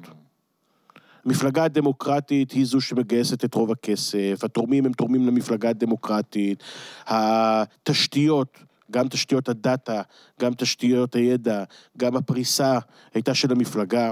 המפלגה בוחרת מי ירוצו מטעמה לקונגרס ומי ירוצו מטעמה לסנאט. היא מחליטה הרבה מאוד פעמים איך ימומן הקמפיין לנשיאות. היא אחראית ליצירת ההסכמות עם גופים חוץ-מפלגתיים. ו... ולכן המפלגה היא מאוד מאוד חשובה, היא גם גוף שחי מבחירות לבחירות, היא גוף שמנהל עשרות רבות של מערכות בחירות מרמה מקומית עד רמה פדרלית, ול, ולכן היא מפתחת גם המון מאגרי ידע ומומחיות. היועצים שלה, היא ממליצה למועמדים מי היועצים, יש יועצים שמתאימים לקהילה. כלומר, אני רץ ל- להיות uh, ראש עיר איפשהו, או מתמודד על תפקיד לקונגרס, אז המפלגה אומרת לי, זה האסטרטג שכדאי לך לעבוד בדיוק, איתו? בדיוק, וזה האיש שיש לו את הניסיון עם הקהל ההיספני, וזה ניסיון עם קהל כזה, ו- ו- ולכן לאנשים חשוב גם להיות בסדר עם המפלגה, כסוג של מעסיק או ממליץ, ו... הם יכולים להתפרנס במשך כל הקריירה מעבודה עם המפלגה, כל עוד הם מספקים לה את הסחורה. וגם יש שם הרבה הרבה יותר קמפיינים, כמובן. בוודאי. כן. בישראל המפלגות, כבר, כבר הרבה עשרות שנים, הם לא הגוף החזק. גם בפרשת העמותות של ברק, מה קרה? הרי על מה, כל, על מה נסבה כל פרשת העמותות ברק? היא העובדה שהמועמד וצוותו לא רצו שחלק מההוצאות ייעשו בידיעת או באישור המפלגה, אז הם הקימו עמותות, שאגב, כשמסתכלים על סכום הכסף שהיה בעמותות, פחות מעשרה אחוז מגובה הקמפיין. זה אווילות מוחלטת. היו שואלים את דעתי, הייתי אומר, תיקחו את זה כתקציב היושב ראש. כן. אבל הכל כדי שרענן כהן, שהיה אז מזכ"ל מפלגת העבודה, לא התערב להם בהוצאות. אז הלכו למנגנון פסיכי, שנחקר אצל מבקר המדינה ואצל המשטרה, הכל בגלל אגו. היום המפלגות משועבדות לחלוטין לעומד בראשן. אנחנו רואים בליכוד, נתניהו עושה במוסדות מה שהוא רוצה. עמיר פרץ בעבודה מחליט להצטרף לממשלה, לא עולה בדעתו אפילו לכנס את המוסדות לקבל אישור.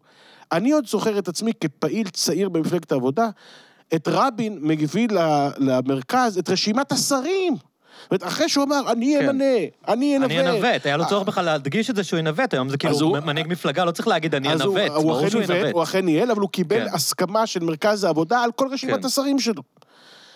ולכן, בטח במפלגות, המפלגות הסו קולד לא דמוקרטיות. ולכן אתה באמת רואה ש, שזה מאוד משתנה. אז באמת בבריטניה מאוד דומה לארצות הברית, המפלגה השמרנית, מפלגת הלייבור, זה מוסדות הרבה יותר משמעותיים. אבל הדבר הזה מאוד מאוד שונה, אנחנו רואים בכלל פרסוניפיקציה של המועמדים. אם, אתה יודע, נהגנו לחלק בחירות לשלושה, מאפ... לשלושה מאפיינים, פרסונליטי, אישוז וסטרקצ'ר. Mm-hmm. האישיות של המועמד, המבנה החברתי, והאישוז, הנושאים שעליהם אתה עוסק. הרבה פעמים ראית סוג של cross marketing בין שניים מה pillars האלה. היום ה personality מוביל בכל קנה מידה. זאת אומרת, לטוב ולרע. האישיות של טראמפ חשובה מעמדותיו, כי עמדותיו כלל לא ברורות, הוא גם אין לו בעיה לשנות אותן מהבוקר עד הערב, ולהיות סותר את עצמו בין ציוץ לציוץ, ובכלל לא ברור האם הוא נציג של האגף הניצי ברשימה הרפובליקנית שנקרא Tea Party, או בכלל משהו אחר. מפלגה דמוקרטית, אתה רואה את סנדרס מהצד המאוד סוציאליסטי לכאורה, ולעומת זאת את ביידן מהמקום האחר. ובסוף אה, ביידן מנצח הרבה בזכות זה שהוא presidential, שהוא הדבר הכי נשיאותי שנראה שם. ו, וטראמפ, שהיה מוקצה מחמת מיאוס על ידי מפלגתו בפריימריז שבהם הוא נבחר, הם צריכים ללמוד לחיות איתו כי הוא מביא שלטון. אז הסיפור הזה הוא באמת אמ, מסביר, אני חושב, במידה מסוימת את העלייה ב appeal הציבורי של האסטרטג. לא, לאסטרטג אין appeal ציבורי. לא, אני אגיד לך למה אני מתכוון. שנייה, לא, אני חייב להגיד, אוקיי. לאסטרטג אין appeal ציבורי.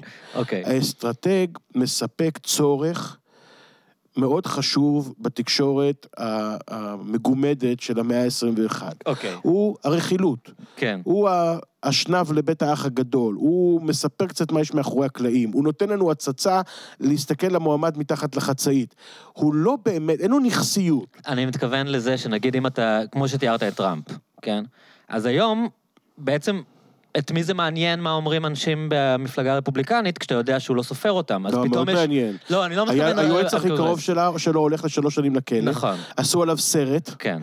סרט הוליוודי. נכון. כן. הדוברת שלו, שהייתה, שהייתה דמות מאוד מאוד שנויה במחלוקת, כל מה שהיא אומרת לטוב או לרע, אה, הוא... קליאן קנווי? בוודאי. כן. ו, ולכן אתה רואה, זה לא נכון. לא, אז... אבל על זה בדיוק אני מדבר, שפתאום, בגלל שהאנשים היחידים... שאתה יכול להבין מהם מה באמת קורה ולאן הדברים הולכים, הם הכוורת סביבו. אז פתאום סטיב בנון כזה הופך להיות הבן, הבן אדם המרואיין הכי רלוונטי שיש. ואני חושב שזה קצת דומה בישראל, אתה מתאר את התקופה של רבין, אז היה מאוד חשוב מה האנשים, מה החברי כנסת של העבודה אומרים. אבל היום, כשאתה יודע שאף אחד לא סופר את חברי כנסת בליכוד, אז הרבה יותר רלוונטי לך מה האסטרטג נכון, של נתניהו חושב, מה הבן אדם שצמוד אליו, כשאתה מסתכל על רשימת כחול לבן... גם, אגב, הוא באמת יודע מה קורה, מי, מי בכלל, עכשיו אנחנו רואים באמת בכחול לבן שלאף אחד לא היה מושג מה קורה. האנשים היחידים שכנראה ידעו מה קורה, זה כנראה רונן צור, הוא באמת ידע מה קורה. נכון, ויותר מזה, כשאתה מסתכל על רשימת כחול לבן, לא על, לא, סליחה, יותר נכון, על רשימת חוסן. כן. רשימת חוסן, אתה יכולת לראות שבערך שני שליש מהרשימה התחלקו ללקוחות של איזה משרד יועצים הביא אותם. Mm-hmm. בן חורין אלכסנדרוביץ' שייצגו, היו יועצי התקשורת של גנץ בסיבוב הראשון, הביאו נתח של לקוחותיהם, למשל את אורית פרקש. אה, רונן צור הביא מישהו, אה, רונן משה הביא מישהו. אתה ראית, היה צריך לבחור מהר מהר מועמדים. הביאו אנשים מוכרים, חלקם טובים יותר, טובים פחות. אף אחד מהם לא עמד למבחן. למשל בארצות הברית, אתה הולך למשרה, שוחטים אותך. מסתכלים על רקורד ההצבעות שלך מהיום שנבחרת כן. לוועדת קישוט בוועדת הכיתה של כיתה ג' ועד למה היו עמדותיך בדיבייטים של הקולג'. באמת, פורסים אותך פרוסות, פרוסות, מנקבים בך נקבים, נקבים, ו- ו- ומסתכלים על הרקורד שלך.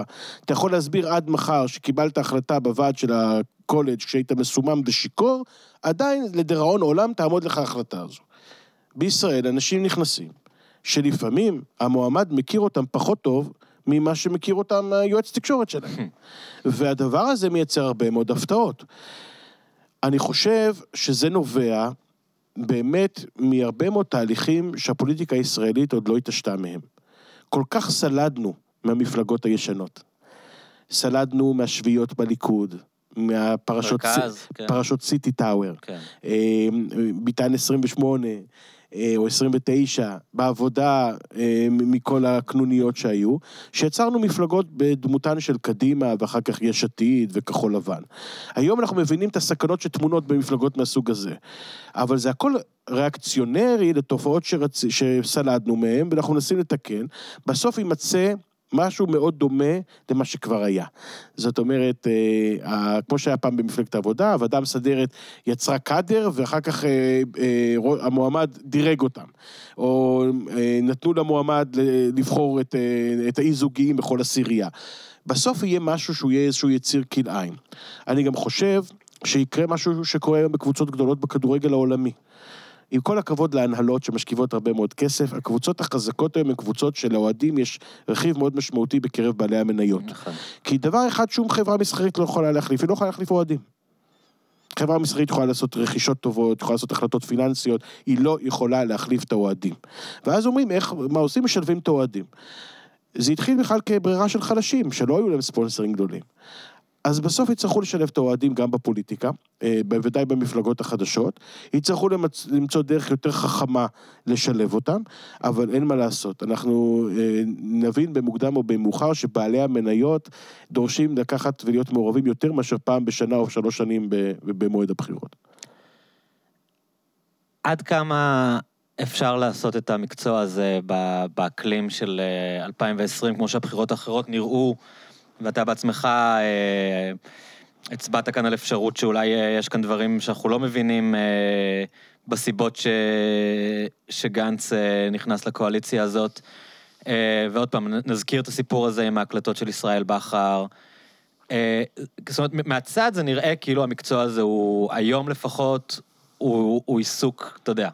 הוא אה, תמיד היה. שמזכיר קצת אה, משהו בין, בין לא, לא אגיד ארגוני פשיעה, אבל לפחות ארגוני מודיעין. הוא תמיד היה.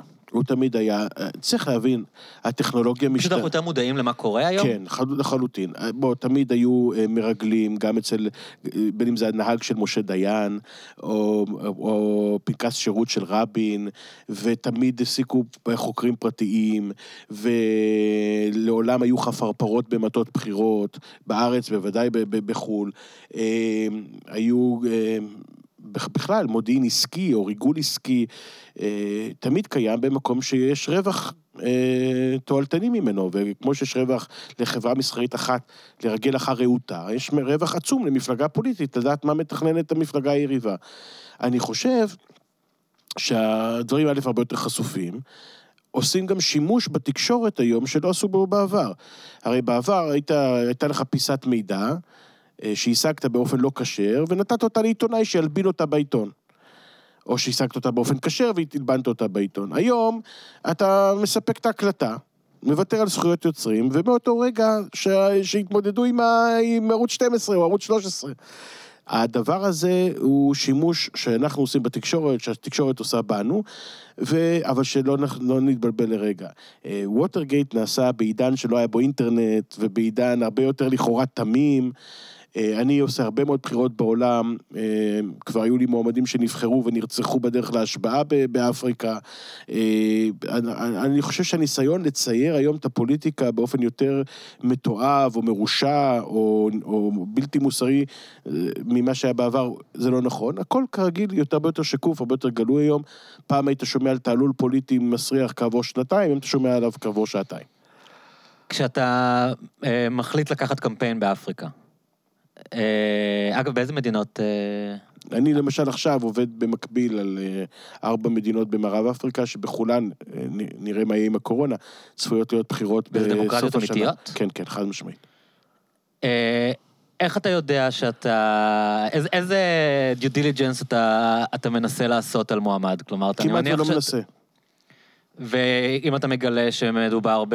לא יודע, יש יתרון... blood diamonds או כל הדברים הנוראים שאנחנו שומעים באפריקה. קודם כל אתה... אתה, אתה מוותר על העניין הזה לחלוטין, או ש... לא. קודם כל, הרבה יותר, הרבה יותר מצפ... קל מצפונית ומוסרית לעבוד בחו"ל. כן. מהסיבה הפשוטה אחד, אתה לא צריך לחיות עם התוצאות של מעשיך כיועץ. זה לא מצפוני. כן, אבל זה האמת. כן. ובוודאי אתה לא כן. צריך, הילדים שלך לא צריכים לסבול מזה, שזה... כן. אתה יודע, אני בסוף, הבן שלי הולך לצבא באוגוסט. כן. לבחירות שאני עושה בארץ יש משמעות מיידית על איכות החיים ועל החיים עצמם. אז כשאתה עובד בחו"ל, המימד הרגשי הזה כמעט ולא קיים. את הדיו דיליג'נס שאתה מתאר אתה עושה מסיבות אחרות לגמרי, אתה עושה אותה מסיבות של חשיפה משפטית ובינלאומית. אז... אה, כלומר, אם זה פושע מלחמה שיכול להשליך עליך? חד משמעית, ואם לא רק זה, גם שאלות של הלבנת הון. אה, היום כל אגורה שאני מרוויח בחוץ לארץ, היא, היא לא... יכולים לעכל לך את הכסף, תיאורטית? עזוב שלעכל, אתה כפוף לדין הבינלאומי.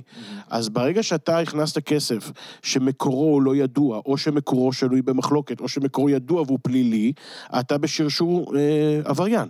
וה-KYC, know your client, הוא דבר שאני מחויב בו, לא רק הבנק שלי מחויב בו. ולכן מקור הכסף, הדרך שבה הוא הושג, האם הוא נרשם כדת וכדין, הוא כפוף למערכת דינים שהיא בינלאומית. אה, גם שאלת המטבע, אם, אם, אם הרווחת ביורו, אתה כפוף לדינים של האיחוד, אם הרווחת בדולר, אתה כפוף לדינים הפדרליים בארצות הברית, והמערכות היום, לא רק המשפטיות הבינלאומיות, בעיקר החשבונאיות, הן... הרבה פחות טולרנטיות למה שהיה בעבר. אה, אגב, גם עד- עד באפריקה. רמה של אישום פלילי? חד משמעית. באיפה? בדין הבינלאומי לצדק, או איפה? קודם כל, קודם אה, כל, לפי המדינה לא רק המדינה. אנחנו, תראה, היום אם אתה משלם שוחד באפריקה, כן. ושילמת את השוחד בדולרים, אתה יכול להימצא תחת כתב אישום של, של ה-DOJ האמריקאי, על זה שהשתמשת בקרנסי. אז העברת מייל שקשור בעסקת שוחד, והוא עבר דרך סרבר אמריקאי, אתה כפוף לדין האמריקאי. שלחת מכתב. והוא עבר ברשות הדואר האמריקאית, הדואר בארצות הברית הוא פדרלי, אתה כפוף לדין הפדרלי. היום, זה, אני אתן לך דוגמה, אפילו במערכת הבנקאות הישראלית, כשאני מקבל העברה בנקאית מלקוח שלי באפריקה, או אפילו במזרח אירופה, אל החשבון, אז העובדה שזה הרבה כסף ואני. מרוויח זה- נורא יפה ומשלם כן. עליו מס, זה הכל נורא נחמד. הבנק שלי לא יקלוט את הכסף כן. בלי שאני שלחתי לבנק את החוזה, בלי שהוא יודע שהחשבון שממנו יצא הכסף זהה לצד של החוזה שעליו אני חתום. מאוד לא פשוט, וטוב שכך. אוקיי, אבל מבחינת מה, מי באמת האנשים מעבר לחשיפה שלך, זה משהו שמעסיק אותך? פחות מאשר בארץ. בארץ, א', אתה יודע יותר על האנשים, ואתה גם, אה, קל לך לחקור. באפריקה, מהרגע שהוא מועמד של מפלגה לגיטימית, אז אה, פחות אכפת לי. אה, במובן הזה, הרבה יותר קל. ובארץ לא היית הולך ל- לעבוד בשביל אה, מפלגה שאתה לא מאמין באידיאולוגיה שלה? התשובה היא שבמבחנים שאני העמדתי את עצמי כבר לפני הרבה מאוד שנים, קבעתי את, את הכללים הבאים. אחד, אני לא אעבוד בשביל מפלגות אנטי-ציוניות. משום שיש קצת, אה, יש בעיה כאשר אתה מעמיד את מיטב כישוריך ללקוח שחותר תחת אושיות הקיום שלך. אז אני רוצה בקיומה של מדינת ישראל כמדינת העם היהודי, כמדינה ציונית, ומי שחותר להפוך אותה למדינת כל אזרחיה, עם כל אהבתי האישית לחלק מחבריי הטובים ברשימה המשותפת, אני אתקשה לייצג את הרשימה המשותפת. אני לא אעבוד עם מפלגות חרדיות בדיוק כמו אותם. אבל אני יכול לעבוד הרבה מאוד פעמים, אה, בוודאי בבחירות מוניציפליות עבדתי בשביל הליכוד, למרות שלא הצבעתי לליכוד, גם כשאריאל שרון היה מועמד מטעמה, והייתי יועצו אסטרטגי. הוא יודע? כן, חד משמעית. אחת הסיבות... לא עניין אותו? אה, כשקמה קדימה, אה, אז אני זוכר שאריאל שרון התקשר אליי בלילה שהחלטנו להחתים את השרים ואת חברי הכנסת שעברו מהליכוד לקדימה, אז הוא אמר לי, אה, נראה לי שהפעם אה, תוכל גם להצביע בשביל המפלגה. וזה אכן נכון, הצבעתי עבור קדימה, לצערי כבר בלי אריאל שרון. אבל אני לא הצבעתי מחל מח- בחיי, גם כשעבדתי עבור אה, הליכוד. ו... ויועצים שהתחילו בתור אה, אנשים אידיאולוגיים בכל מיני... אה, נגיד, אני לא אגיד שמות, אבל נגיד שהתחילו בתור אה, צעירים אידיאולוגיים ומצאו את עצמם את כל הדרך עד ללייעץ לנתניהו. אה, זה, זה לגיטימי לדעתך? זה לגיטימי, משום שבסוף עבודה מקצועית היא עבודה מקצועית. אה, אתה לא יכול לבקש מכל אה, איש ניו מדיה, מפיק, במאי, קופירייטר, אה, לוותר על המקצוע שלו בשביל האידיאולוגיה שלו. זה מה שהוא יודע לעשות. אחת לכמה זמן יש הזדמנות לעסוק במה שהוא יודע, ולחלוטין לגיטימי שעורך דין ייצג אה, אה, לקוח שהוא לא מסכים מוסרית עם מעשיו. וזה בסדר שקופירייטר ושיועץ אסטרטגי ושפרסומה יעבוד בשביל מישהו שהוא לא מסכים למעשיו. אדם יכול לייצג את קוקה קולה ולא, ועדיין לחשוב שקוקה קולה זה מוצר שמזיק לבריאות. גם אם האידיאולוגיה שלך חושבת אה, שנגיד אה, ביבי בן אדם מאוד לא מוסרי, ואתה עוזר לו להיבחר להיות ראש ממשלה ב- זו שאלה בישראל. מאוד אישית. כן. אני... לא, אבל אה, איך, איך אתה מסתכל על אנשים כאלה? כאילו, אני זה לא- בכלל לא... אתה לא אומר, וואו, איך הוא עשה את זה, או... אתה באמת מתכוון? כאילו... אני בכלל, ככל שאני... במיוחד, אגב, שההשפעות שלהם הן הרבה, חורגות, אתה יודע, נגיד, לא יודע, נגיד מוטי מורל. זיכרונו ז"ל, לברכה. כן. מאוד התגאה בזה, שאני לא יודע אם זה נכון, שהוא המציא את, אה, את אה, פרס יחלק את ירושלים. טוב, יש לו פה ויכוח גדול כן, מאוד. אני יודע עם- שהרבה אנשים לוקחים עם אייל קרדיט על ארד המשפט ועם ארתור הזה. פינקלשטיין, זיכרונו לברכה, כן. ועם ראובן אדלר. אבל אתה, כאן- אתה לא, אתה, אתה מצד אחד, אוקיי, אתה אומר, זה המקצוע שלו, אבל זה לא אה, אה, משהו פרטיקולרי שהצגת אה, עבריין ואולי מילטת אותו מדין. אתה עשית כאן שינוי שיכול להיות שהוא אה, עמוק בכלל בחברה הישראלית ברגע ששינית את השיח ברמה הזאת. תראה, כאילו. זה שאלות מוסריות שלכל אחד צריכות להיות בו קווים האדומים שהוא מגדיר אותם לעצמו. Mm. אני בכלל, כשאני מתבגר, מנסה להיות פחות שיפוטי. יש אתגר עצום לנצח, גם אם אתה לא אוהד של הקבוצה. זאת אומרת, תחשוב מקצועית, כשאתה עושה מעשים מקצועיים שמביאים לניצחון, הגאווה המקצועית שאתה לוקח, בשביל חלק מהאנשים היא לא פחות גדולה מהשאלה של זהות הקבוצה שניצחה. הרבה מאוד פעמים, אם, אה, אתה יודע, אני מביא מהשאלה, תחשוב על מנתח שקיבל אדם לחדר ניתוח בטראומה והציל את חייו. למחרת הוא גילה שמדובר במחבל. האם אפשר לקחת ממנו את ההצלחה הרפואית הפנומנלית שהוא הציל את חייו של בן אנוש? התשובה היא לא. האם הוא גאה בבן אדם שאותו הציל? התשובה היא גם כן לא. אבל אני חושב... כן, השאלה אם האנלוגיה נכונה, זה גם מה שסרוליק איינורן אמר כשביקרו אותו על זה שהוא ייצג את ביבי, שזה כמו רופא שמגיע אליו.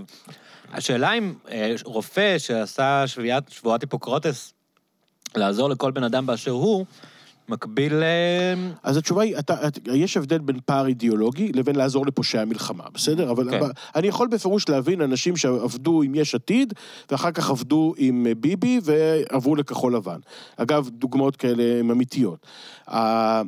כל אחד מניח את הקו האדום שלו. אני אה, לא חסכתי מעולם ביקורת מנתניהו ב-20 שנים האחרונות. אני חושב שהביקורת שלי הייתה די מציקה בלשון המעטה. קיבלתי בשנים האחרונות יותר מפעם אחת הצעה להרוויח מאוד מאוד יפה בתמורה שאשחק או כשחקן ספסל, כי לא האמינו שאני אהיה שחקן פעיל לטובתו של נתניהו. אבל היו מאוד שמחים שאני אהפוך להיות שחקן פעיל אה, בצוותו, ואפילו היו מוכנים לשלם הרבה מאוד כסף רק שאני אניח אותו לנפשו, ולא הסכמתי. אה, אבל זו באמת שאלה אה, מאוד פרטית, ואין לי ביקורת. אני, אני חבר אה, מאוד קרוב של רונן צור. הוא יודע ושמע ממני את דעתי על המהלכים של הימים האחרונים. כתבתי לו את זה כי ידעתי שאם ננהל שיחה בעל פה היא תיגמר רע מאוד.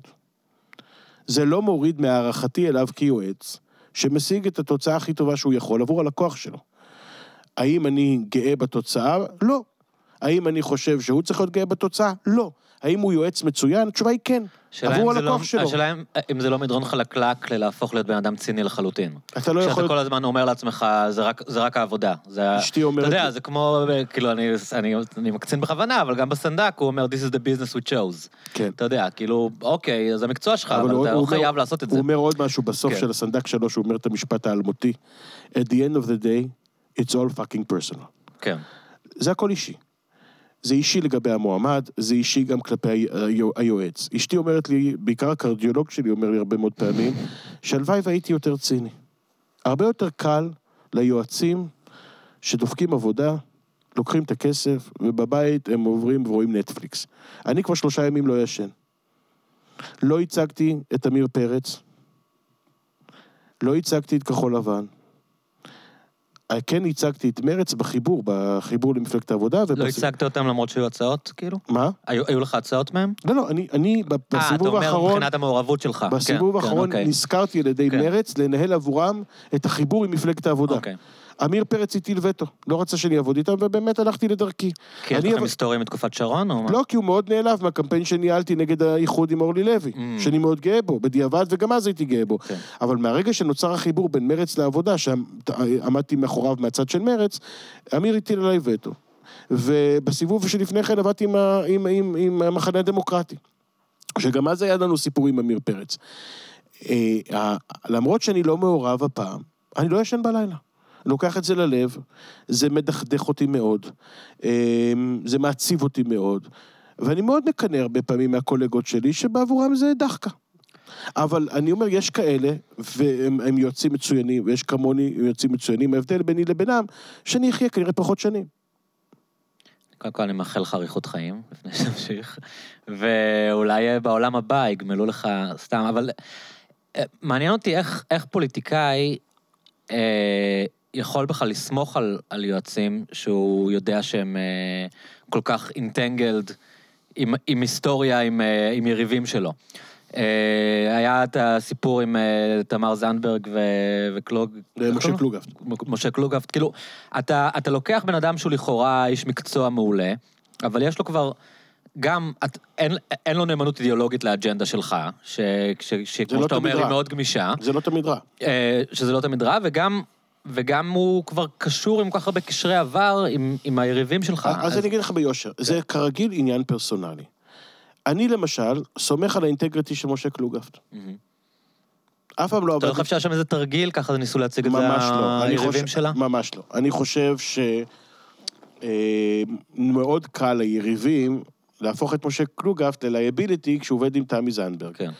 אבל בסוף, עם כל הכבוד למשה קלוגהפט ולליאור חורב ולרונן צור, תמר זנדברג באה עם המטענים שלה, ולא אני ולא קלוגהפט ולא רונן צור נשנה אותם.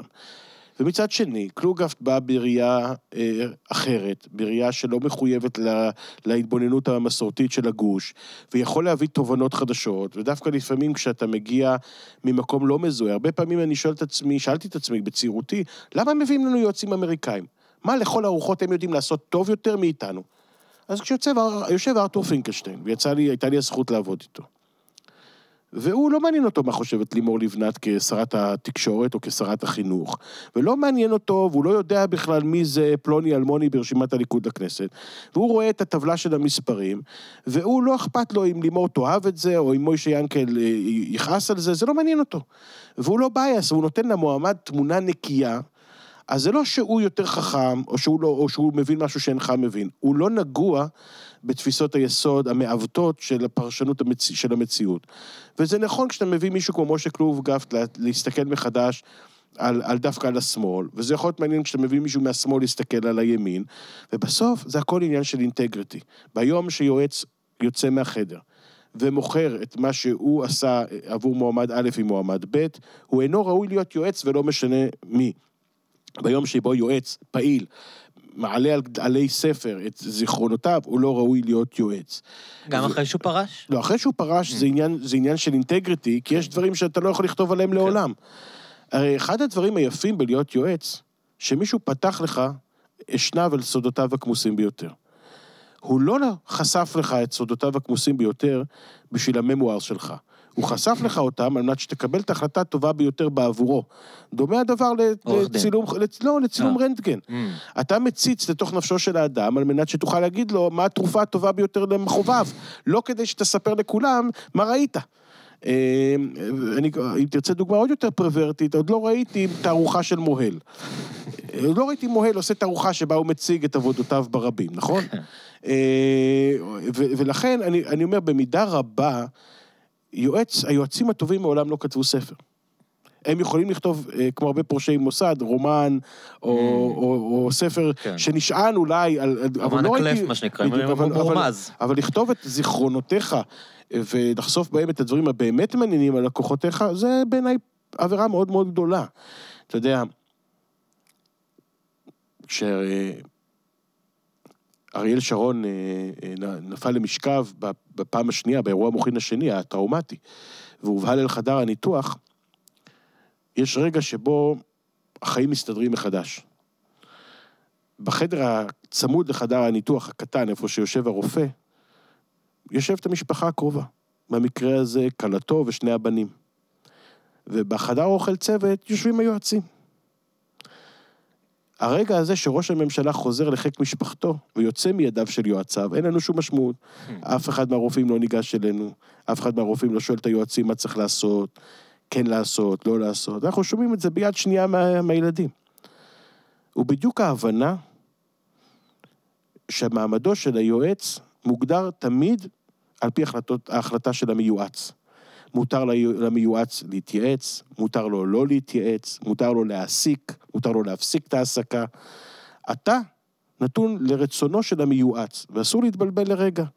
אני לא, שאלו אותי הרבה מאוד פעמים, אתה כועס שלא לקחו אותך לעבודה כזו או אחרת? אני אומר, לא כועס.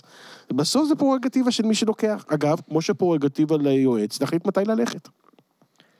יש לכם איזה שהם אה, קודים, כאילו, עושה רושם שלא, בגלל זה אני שואל, של התנהגות אחד כלפי השני? כלומר, איזושהי אה, לא. אתיקה, כי באמת הסיפור הזה שעכשיו ראינו עם רונן צור וישראל בכר, אה, אפילו אני לא בטוח שהבנתי בכלל מה אני רואה, אבל אה, ש, שמגיע בליל הבחירות אה, יועץ שעבד על, אותה, על אותו קמפיין בעצם, ומאשים אה, את הקולגה שלו. במעין בגידה, או היותו סוס טרויאני, או... הוא היה מאוד מרומז, אבל עם זאת רמז על דברים מאוד מאוד חמורים. בשורה התחתונה, ישראל בכר, שבוע לפני הקמפיין, נזרק, הוא עף, התפטר, ורונן צור אה, מלווה ברגעים האלה, מה שנקרא לטוב ולרע, את כן. בני גנץ בדרכו האחרונה. אבל, אבל אה, it's all game, כי נגיד בעריכת דין, אתה יודע, יש איזה שלפחות אה, בתיאוריה חובה להתנהגות חברית לא, אה, אחד כלפי השני. אחד זה מקצוע שאין בו בכלל כללים אתיים. כן. וכרגיל זה הרבה מאוד פעמים שאלה של גבולות גזרה שאנחנו היועצים מגדירים, והרבה פעמים גם קשרי גומלין. אני לעולם לא אתבטא כלפי רונן צור, כפי שאני מתבטא למשל, אה, אתה יודע, מול יונתן אוריך. כי הוא חבר שלך, או פשוט אתה יותר מעריך אחד, אותו? כי, כי אני מעריך אותו מאוד. שנית, יש בינינו גם יחסי כבוד מקצועי הרבה יותר גבוהים. וגם אולי משום שקווים האדומים של רונן שונים לחלוטין מהקווים האדומים של יונתן אוריך. רונן לא יעבור למשל על החוק. אני חושב, זו זו דעתי, שיונתן אוריך לפעמים ישמור על החוק. זה הבדל מאוד מהותי. אני תמיד אמרתי שהגבול גזרה הוא שאני מוכן לעשות הכל חוץ מלשדוד את התוצאה בקלפי.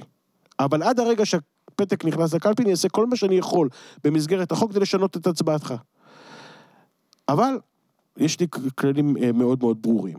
אני לשמחתי סוגר השנה 25 שנים במקצוע, מעולם לא נחקרתי במשטרה, מעולם לא נכתב עליי מילה אה, בגנותי או בגנות פעילותי אצל מבקר המדינה. זה הישג לא פשוט. כן. מאחוריי 300 מערכות בחירות בארץ ועוד כמה עשרות בחו"ל. אינטרסים חובקי עולם, כלכליים, שהתערבבו בפוליטיים ובמה שאתה רק יכול לרצות. אה, לא כל הלקוחות שלי מרוצים, אגב, מהתוצאה שהשגנו, אבל אף אחד מהם לא, ש... לא קיבל ממני תמונת מצב מעוותת של מצבו. עבדתי בשביל לקוחות שהפסידו, כשהם ידעו מראש שהסיכוי שהם יפסיד, יפסידו הוא קיים. עבדתי עם לקוחות שניצחתי כשהסיכויים שהם ינצחו היו קיימים, אבל נמוכים. ו... אבל לא בגדתי מעולם בלקוח, ולא הולכתי שולל לקוח, ו... אה, וזה לא מדע מדויק. גם עבדתי עם לקוחות שהונו אותי.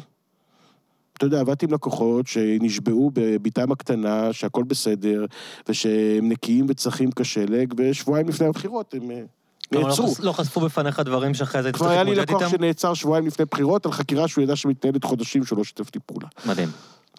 תגיד, וכשעושים למישהו אה, דברים שנגיד אפשר לקרוא להם רצח אופי, אה, מתרגלים אה, לא לחשוב על זה, לא לדאוג מזה? זאת אומרת, אתה, אתה יודע, אני חושב על מה שעשו לגנץ אה, בבחירות האחרונות, אבל זה לא מקרה כמובן ראשון או חריג.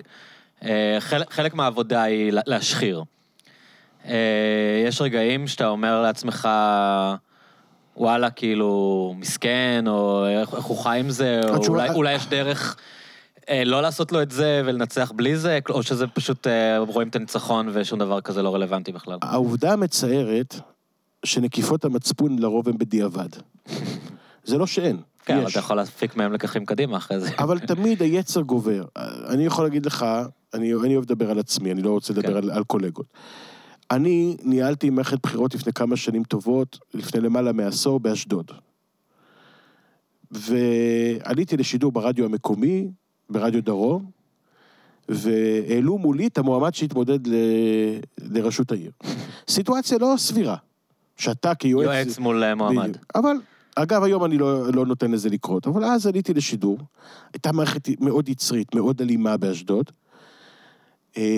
ואני ידעתי במה בדיוק עומד להוציא את המועמד, מול, את המועמד משיווי משקל. זאת אומרת, ידעתי, תכננתי את זה לפרטי פרטים, וגם ידעתי מה יקרה. וכיניתי אותו במהלך השידור, הוא רופא. הוא היום ראש עיריית אשדוד, דוקטור יחיאל לסרי. כן. אה, וכיניתי אותו בכוונת מכוון וטרינר. למרות שהוא דוקטור פנימאי, אחד המומחים הגדולים בארץ בתחום המלחמה באיידס, ואני בכוונה כיניתי אותו וטרינר. וזה הוציא אותו מדעתו. הוא השתולל. הוא ממש איבד את זה.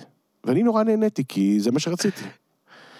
אני זוכר שכשהסתיימה מערכת הבחירות, זה ממש הדיר שינה מעיניי. זאת אומרת, זה... על זה, אנשים אמרו, קראו לגנץ אה, סוטה מין ומשוגע, כן, אבל- קראת לרופא וטרינר, על זה לא אבל, ישנת? אבל, אבל זה, אתה צריך להבין, יחיאל לסרי הוא באמת גדל במשפחה קשת יום. כן.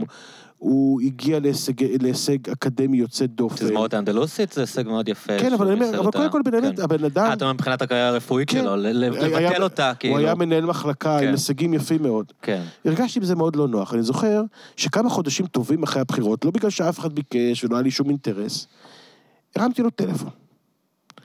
הוא היה בהלם. הוא היה בטוח שיש פה איזה הידן אג'נדה. אמרתי לו, שלום, אה, אפשר לשבת אה, לקבוע איתך פגישה? אומר, למה? אמרתי לו, אני מבקש לקבוע איתך פגישה. אמרתי, הוא אומר לי, אז מחוץ לעיר אשדוד, כי הוא היה בטוח שאני מכין פה איזה מערב או משהו. והוא שומר כשרות, וקבענו, אמרתי לו, בוא נקבע בתל אביב. הוא אומר לי, איפה? אמרתי לו, איפה שאתה תבחר, שיהיה כשר. ונפגשנו, ואני זוכר שהוא היה מאוד מכווץ. האמת, אם אני הייתי במקומו, לא הייתי נפגש איתי בחיים. אבל הערכת, ב... הערכת נכון ה... את הפגיעה שלו. כלומר, הוא באמת נפגע כמו ש... ואז הוא אומר לי, מה, שחשבת." למה אנחנו נפגשים? אמרתי לו, רק בשביל דבר אחד. באתי להגיד סליחה, להתנצל. הוא מאוד הופתע. והוא שאל אותי, למה אתה, למה אתה מתנצל? הרי זה לא שאתה הולך לעבוד איתי, זה לא שאנחנו נהיה חברים. אמרתי לו, האמת, אני מתנצל בשביל עצמי, לא בשבילך. והייתה פגישה מאוד מעניינת, ונפרדנו כידידים. אחרי שנתיים וחצי הוא הרים לי טלפון, וביקש שאני אנהל את מערכת הבחירות, וכך עשיתי. אמ, ו, ו, וזה מאוד עניין אינדיבידואלי. אה, אנחנו פוגעים הרבה מאוד פעמים כי אין ברירה. וזה לא מקצוע למריה תרזה, ולא ממליץ לבלרינות לעסוק במקצוע הזה. אבל כן, יש קווים אדומים, הם נגזרים מניסיון, הם נגזרים מגיל. הרבה מאוד פעמים אתה היום, בגילי המופלג, אני יודע שאדם הולך בצורה מסוימת, או מדבר בצורה מסוימת, כי הוא עבר אירוע, כי הוא חלה. אה, מעט מאוד אנשים למשל ידעו בשנות התשעים שכשחיכו את דליה איציק בארץ נהדרת, אה, מעט מאוד אנשים ידעו שדליה איציק נפצעה מאוד מאוד מאוד קשה בתאונת דרכים, ושהיא עברה שחזור פנים. כאילו הפנים הקפואות שלה בדיוק. שצחקו עכשיו, עליה, שהיא לא אה, מזיזה את אה, הלסת. בדיוק, עכשיו, מה לעשות, היא הייתה מעורבת בתאונת דרכים קטלנית. ולמה נגיד היא לא אמרה פשוט? יש- אחד, כי זה טראומה. בתאונת דרכים שבה היא נפגעה מאוד קשה, נהרג חבר הכנסת אה, מיכי רייסר, זיכרונו לברכה. זה לא פצע שאדם שעבר טראומה פותח. ומה שמותר לארץ נהדרת אה, לעשות, אה, לפעמים היום כאדם לא הייתי עושה. אה, ואתה לומד הרבה מאוד דברים. אני זוכר שכשעבדתי עם ציפי לבני, עמדה בראש קדימה, והיינו חבורה של גברים, אף אחד מאיתנו לא מאוד דיפלומט. והפריע לנו משהו בצורה שבה אה, היא נראתה בטלוויזיה. ואמרנו את ההערה שלנו, שהייתה הערה מקצועית במקומה, בצורה מאוד שוביניסטית ופוגענית. מאוד הצטערתי על זה אחר כך. לא כי האמירה לא הייתה צריכה להיאמר, אלא כי צריך לזכור שגם האנשים, בין אם הם לקוחותיך או יריביך, הם בני אדם. יש להם ילדים. זאת אומרת, נתניהו איבד את היכולת שלו לטעון כנגד מה שעושים לבנו, כן. משום שהוא הביא את בנו להיות אה, חלק מ... הוא הפך את בנו ליונתן אוריך. זה לא ש... שאנחנו הפכנו אותו לכזה. אבל אם אתה שואל אותי בדי... בדיעבד, אם הייתי יכול לתת לנתניהו עצה, היא היא לנהוג ביאיר כפי שהוא נהג באבנר. כי יאיר נתניהו הפך היום לשק חבטות לגיטימי ליועצים כמוני. כשאתה תיארת איך, אה, כאילו בעצם את ה... את ההתרופפות באתיקה, כשדיברנו נגיד על, על אוריך, זה עניין דורי, או שהם פשוט אנשים צעירים ויותר נלהבים? כאילו, אתה אומר שהם, החבר'ה האלה, יכולים לעשות דברים שאתם לא הייתם עושים, נגיד, או... זה דורי. כי מה, מה- זה דור שגדל כבר ב- בסביבה יותר צינית? קודם או... כל, לא, זה דורי כי יונתן אוריך הוא צעיר. כן. והוא התבגר כפי שאני התבגרתי. אבל זה חלק מהתרבות הפוליטית העכשווית שהוא גדל לתוכה? את- אתם באתם מאיזה עולם שהיה בו קצת יותר... אה, לא, אני חושב שיונתן אוריך, מר- הוא קיבל, אה, כפני הדור כפני הכלב אומרים, כן. אז הוא קיבל את ה- את ה- את ה-DNA של הלקוח שלו. זאת אומרת, שלקוח הוא יאיר? לא, הלקוח אוקיי, הוא, כן. הוא- יאיר הוא קיבל את ה-DNA מאבא שלו. כן. אבל כן, אחד, המאפיין הכי בולט באישיות של נתניהו, שהוא אדם נטול עכבות. מהמם. זה החלום הרטוב של כל קמפיינר. זאת אומרת, אין לו בעיה אה, לקרוא לגנץ בשמות גנאי הכי גרועים שאי פעם נעשו במדינת ישראל. חוץ מלקרוא לו סוטה מין, הוא אמר עליו הכל. ו-24 שעות אחר כך, 48 שעות אחר כך, לשבת איתו בבלפור, לאכול פיצה ולמכור לו את המדינה. זאת אומרת, זה דבר שבאמת נהדר, כי כשאני הרבה פעמים בא ללקוחות שאומרים, אבל זה לא ממש ככה. ומה יהיה אם בעוד שבועיים אני אחשוב אחרת? ואיך אני אתמודד שהיום אמרתי א' ומחר אני אומר ב'? אצל ביבי אין שום בעיה. הוא יכול לצאת כנגד האוכלוסייה הערבית במדינת ישראל באופן כמעט, אה, כמעט אה, אנטישמי, ואחר כך אה, בשביל לבחור מבקר המדינה, לשבת איתם כאילו לא קרה כלום, וכשהם יצאו מהחדר לבוא ולהגיד שהם גיס חמישי עדיין. זה, זה, זה, זה, עכשיו, כשהיועץ שלך, הוא לא באמת מוביל אותך, אלא הוא סוג של לך תביא של המועמד. ארן בוי. בדיוק, נער שליחויות. אז הוא מקבל בדיוק את פני המועמד, אבל, הוא, אבל בגלל שהוא רק היועץ, הוא יכול להרשות את עצמו לקחת את זה עוד עשרה מטר קדימה. ואני חושב שבהרבה מאוד מובנים, מתי יועצים מבינים שהם עברו את הגבול? כשהם מבינים שהם הופכים להיות לגיטימיים ליד, כיעד להתקפה בעצמם. כשאנשים מתחילים לחשוף התנהגויות של יונתן אוריך, האדם הפרטי, ויונתן אוריך בן הזוג, ויונתן אוריך איש המקצוע, שהן מאוד פוגעניות, והן מאוד מעליבות, והן מאוד לא פריות. שזה מה, כל מיני ברק כהנים כאלה שתוקפים כן, אותו? אז אתה פתאום, אתה, אתה מבין ש-what goes around comes around, ש- שהעולם עגול. שהחגורה שהנפת היום, מחר תופנה נגדך. יש מאזן אימה. וזה פעם אחת. פעם שנייה, אורך נמצא בצד המנצח. ועד שהוא, ואתה יודע, מתי אתה מקבל פרופורציות בחיים? כשאתה גם לומד להיות בצד המפסיד. ומה לעשות, זה כן. יגיע. כששוברים לך את הלב. כן. אתה חושב, הרבה אנשים אה, העלו את האפשרות שבעצם הבחירה של טראמפ שינתה משהו ברטוריקה של ביבי. כלומר, תמיד ביבי היה, זאת אומרת, לא, לא- לא שקודם הוא היה אה, אה, מלך האינטגריטי, אבל ה- נגיד מה שאמרת מקודם, אנשים שמאמינים ב deep state. זה נראה הרבה דברים ש... שהושאלו מ... מטראמפ, לא במובן שהמסר ה... המסר הכללי של אה, לשבור את האליטות, של אנחנו נגדם, היה קיים אצלו מהיום הראשון. אבל אני מתכוון יותר ברמה של הרטוריקה. לא, אני לא מקבל את זה, אני חושב שביבי... אוקיי. תראה, ישראל היא מדינה קטנה, אז, אז זה לא לגיטימי להגיד שביבי המציא את טראמפ. אבל במובנים רבים ביבי. ביבי הקדים את טראמפ. כן. תראה, ביבי טוב ליהודים זה קמפיין של 1996. לפני למעלה מ-20 שנה. זה פינקלשטיין? זה פינקלשטיין. כן.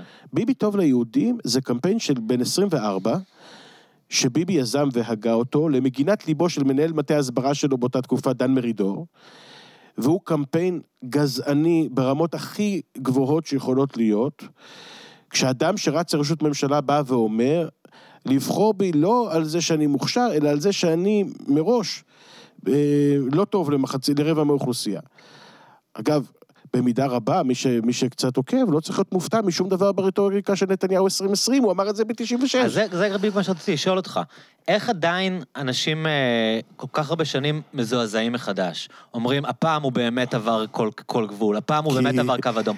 יש לו איזה, איזה יכולת להשכיח מאנשים? לא. אתה צריך להבין משהו. אנחנו, ישראלים בכלל, אנשים סטגלנים. מהמם. אנחנו עוד מעט סוגרים חודש של קורונה, למדנו לחיות עם זה. באמת, אני חושב שהעובדה שעוד לא נרצחו ילדים בידי הוריהם, מוכיחה שאנחנו באמת חברה סטגלנית בצורה בלתי רגילה. אנשים שהיו רגילים כל החיים להזמין טייק אווי, הסתדרו. אנשים שלמדו, אה, ש- ש- כל אחד למד להסתגל. אנחנו בכלל אומה סטגלנית. אנחנו מהר מאוד אה, מסתגלים למציאות קיימת, וקשה מאוד לרגש אותנו. אז כמו שהפרסומות לחגורות בטיחות התחילו מלהיות פרסומות אינטגרטיביות, ונגמרו בזה, ונגמרו בזה שילד עף דרך השמשה הקדמית, התרסק על, על, אה, על עץ שנפל עליו, ושיפוד. ושיפוד עלה ונכנס בו מקצה לקצה. אז גם כאן, אתה יודע, בסוף, אנחנו כבר לא מתרגשים ממה שהיה נוראי לפני עשור, אנחנו לא מתרגשים ממה שהיה זוועתי לפני חמש שנים, וכל פעם רף הגירוי עולה, ובמובנים רבים ביבי אכן אה, שובר שיאים. אבל יש משהו אצלו שהוא מצליח לט- לט- לטווחים קצרים להשכיח מאנשים את כל הדברים שהוא עשה. אני חושב לא שעכשיו מש- אם יהיה, נגיד... הוא לא ממשל- משכיח ביבי, ביבי הוא לקח מתפיסות היסוד של ארתור פינקלשטיין דבר מאוד מהותי. מהמם. זה הפחד.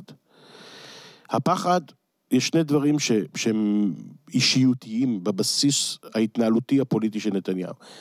אחד, זה היכולת שלו לייצר פוביות, לייצר פחדים, שמתכתבים עם החששות הקיומיים של בוחריו, כן. והדבר השני זה הצורך הקבוע שלו לייצר דמון. לייצר מישהו שמנקז אליו את הפחד. אז ב-96 זה היה ערפאת ופרס, ואחר כך זה המשיך כערפאת, ובסוף זה הגיע לשמאל, וערבים שנוהרים לקלפיות, ואיראן שהייתה הדמון בשלוש מערכות הבחירות האחרונות, ועכשיו יש איראן וקורונה. ומדברים על הקורונה באותם מונחים, ביחד ננצח, אני סומך עליכם, כן, האויב הבלתי נראה. כן. התחושה שיש, ש, שאין עוד מלבדו, שרק ביבי יפתור את הבעיה האיראנית, שאגב, בכל נקודת זמן כשאתה מסתכל על זה, הבעיה הפלסטינית החריפה בתקופתו של נתניהו, הבעיה האיראנית לאין ארוך החריפה בתקופתו, מהעובדה שהם הרבה יותר קרובים לגרעין היום ממה שהם היו כשהוא החל את כהונתו, ועד העובדה שהם יושבים על אה, מימי הים התיכון ב- בלבנון. אה, בכל נקודת זמן, במבחן האובייקטיבי, כל הדמונים של נתניהו ניצחו אותו. במציאות. כן. בפרספשן, בדימוי, בדימוי הסובייקטיבי של המציאות, הוא ניצח. הוא האבא שיכול לשמור זאת עלינו. אומרת, זה, זה, זה ההיפוך. זאת אומרת, במבחן המציאות, הדמונים שנתניהו יצר גברו עליו. בפרספקטיבה, הוא גבר על הדמונים וזה האלה. קרה מה? בגלל כריזמה? בגלל... זה קרה קודם כל מכך שהציבור, הציבור בגדול הוא בור. אין אצלנו ירידה, ל- בכלל, בתרבות המערבית. אין הקפדה, והיא הולכת ונעשית עוד יותר קשה עם השנים, על הכרה של העובדות. הפסיק הדיון על העובדות. אנחנו לא דנים היום בשאלה מה נכון או לא נכון לעשות עם הקורונה לאור הגרפים שאנחנו מסכימים עליהם. כל אחד מייצר גרפים שהוא מאמין בהם. כן. אין גרף נכון או לא נכון. כן. אתה יודע, אה, אתה תיקח את הנתונים של משרד הבריאות בצהריים, אני אקח את הנתונים של משרד הבריאות בערב, ושנינו נגיע למסקנות שונות. רק שיש בעיה, אנחנו מסתכלים על שתי תוצאות לחלוטין אחרות. וגם כאן, אף אחד לא מנהל דיון ענייני. אם תמכת בהסדר שהאמריקאים עשו עם איראן, אתה אובמה. ואם התנגדת, אתה טראמפ. זה שהאיראנים היום קרובים יותר לפצצה, זה עניין עובדתי. רק לא אתה ולא אני מדברים על זה בוויכוח. זה או שאתה טראמפיסט, מתנגד להסכם עם איראן, או שאתה בכלל אובמה. ובמובן הזה, אתה יודע, זאת אומרת, הוויכוח... הניצחון הוא החלוקה הקטגורית למחנות שהם אה, בדיוק, ואז, קשיחים ואי אפשר לעבור שאין ביניהם. דיון, דיון מהותי, ולכן יש שני דברים שהשמאל או, הטו- או האלטרנטיבה לנתניהו לא עשו. אחד, הם לא יצרו תקווה. לצד הפחד קיים וקטור נוסף, שהוא הסיכוי, שהוא התקווה. אז אתה מתקבל, אתה מקבל את הביקורת שבעצם אהוד ברק עם האין פרטנר אה, גמר את השמאל? לא, משום שאני חושב שהביקורת כלפי אהוד ברק מתעלמת מההישג העצום של אריאל שרון. אריאל שרון החזיק באותה עמדה של אהוד, של אהוד ברק. כן. הרי ההתנתקות בוצעה בהיעדר פרטנר. אבל בצד הדרמטי, ההיסטורי, ששרון עשה, ביציאה מרצועת עזה ובוויתור על, על התנחלויות מבודדות בצפון השומרון, שרון בעצם קבע פרמטר נוסף, ששאלת הגבולות הקבע של מדינת ישראל לא קשורה או לא מחויבת בשאלה של קיומו של פרטנר. לזה תוסיף את הקמת הגדר, ששרון התנגד לה בהתחלה. והוביל אותה, שהגדר מייצגת היום פחות או יותר 90, ויתור על 7% מהשטח ובעצם סיפוח של 93. כי זה יהיה גבולות הקבע זה. וגם אם זה לא יהיה מחר, כל מי שנוסע על כביש 6, הילדים שלי, כאילו, המדינה כבר מתוכננת כאילו זה הגבול. זה פסיכולוגי. כן.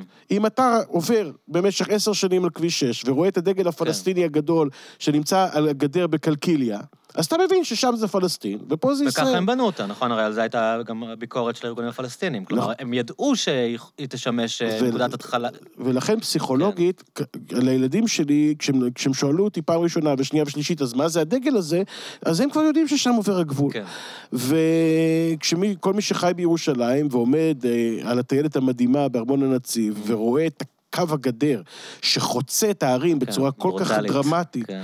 אז הוא מבין שלהגיד שם- שמ"פ שועפאט זה חלק מירושלים, זה כמו להגיד שאני שני מטר ועשרה והייתי רכז של כן. צסקה מוסקבה וזכינו באליפות. ירושלים חולקה כבר אז בעצם. ואם, אז, אז אפשר להמשיך ולרמות, להגיד זה לא הגבול המוניציפלי, זה כן הגבול המוניציפלי, רק אף אחד לא חושב שמתקיימים חיים של לא, שגרה. גם אפילו עכשיו, בזמן אמת, הם אומרים כל מי שממזרח אולי אה, לא נכון. ניתן לו לעבור, ולכן השאלה-. שאלת, בכלל שאלת הציונות לא הייתה תלויה בפרטנר. ציונות רכשה אדמות כחוק, במיטב הכסף כן. הפרטי שידעה לגייס, והלכה לחומה ומגדל, ו, והציונות באותה מידה יכולה להחליט למצב את גבולותיה. המיצוב של הגבולות לא צריך להיעשות בשאלה אם תהיה להם הסכמה לאומית, אה, סליחה, הסכמה בינלאומית רחבה או לא. המיצוב של הגבולות צריך לעסוק בשאלה, האם זו תהיה מדינה יהודית ודמוקרטית? כן או לא? האם זה גבולות שניתן להגן עליהם? כן או לא?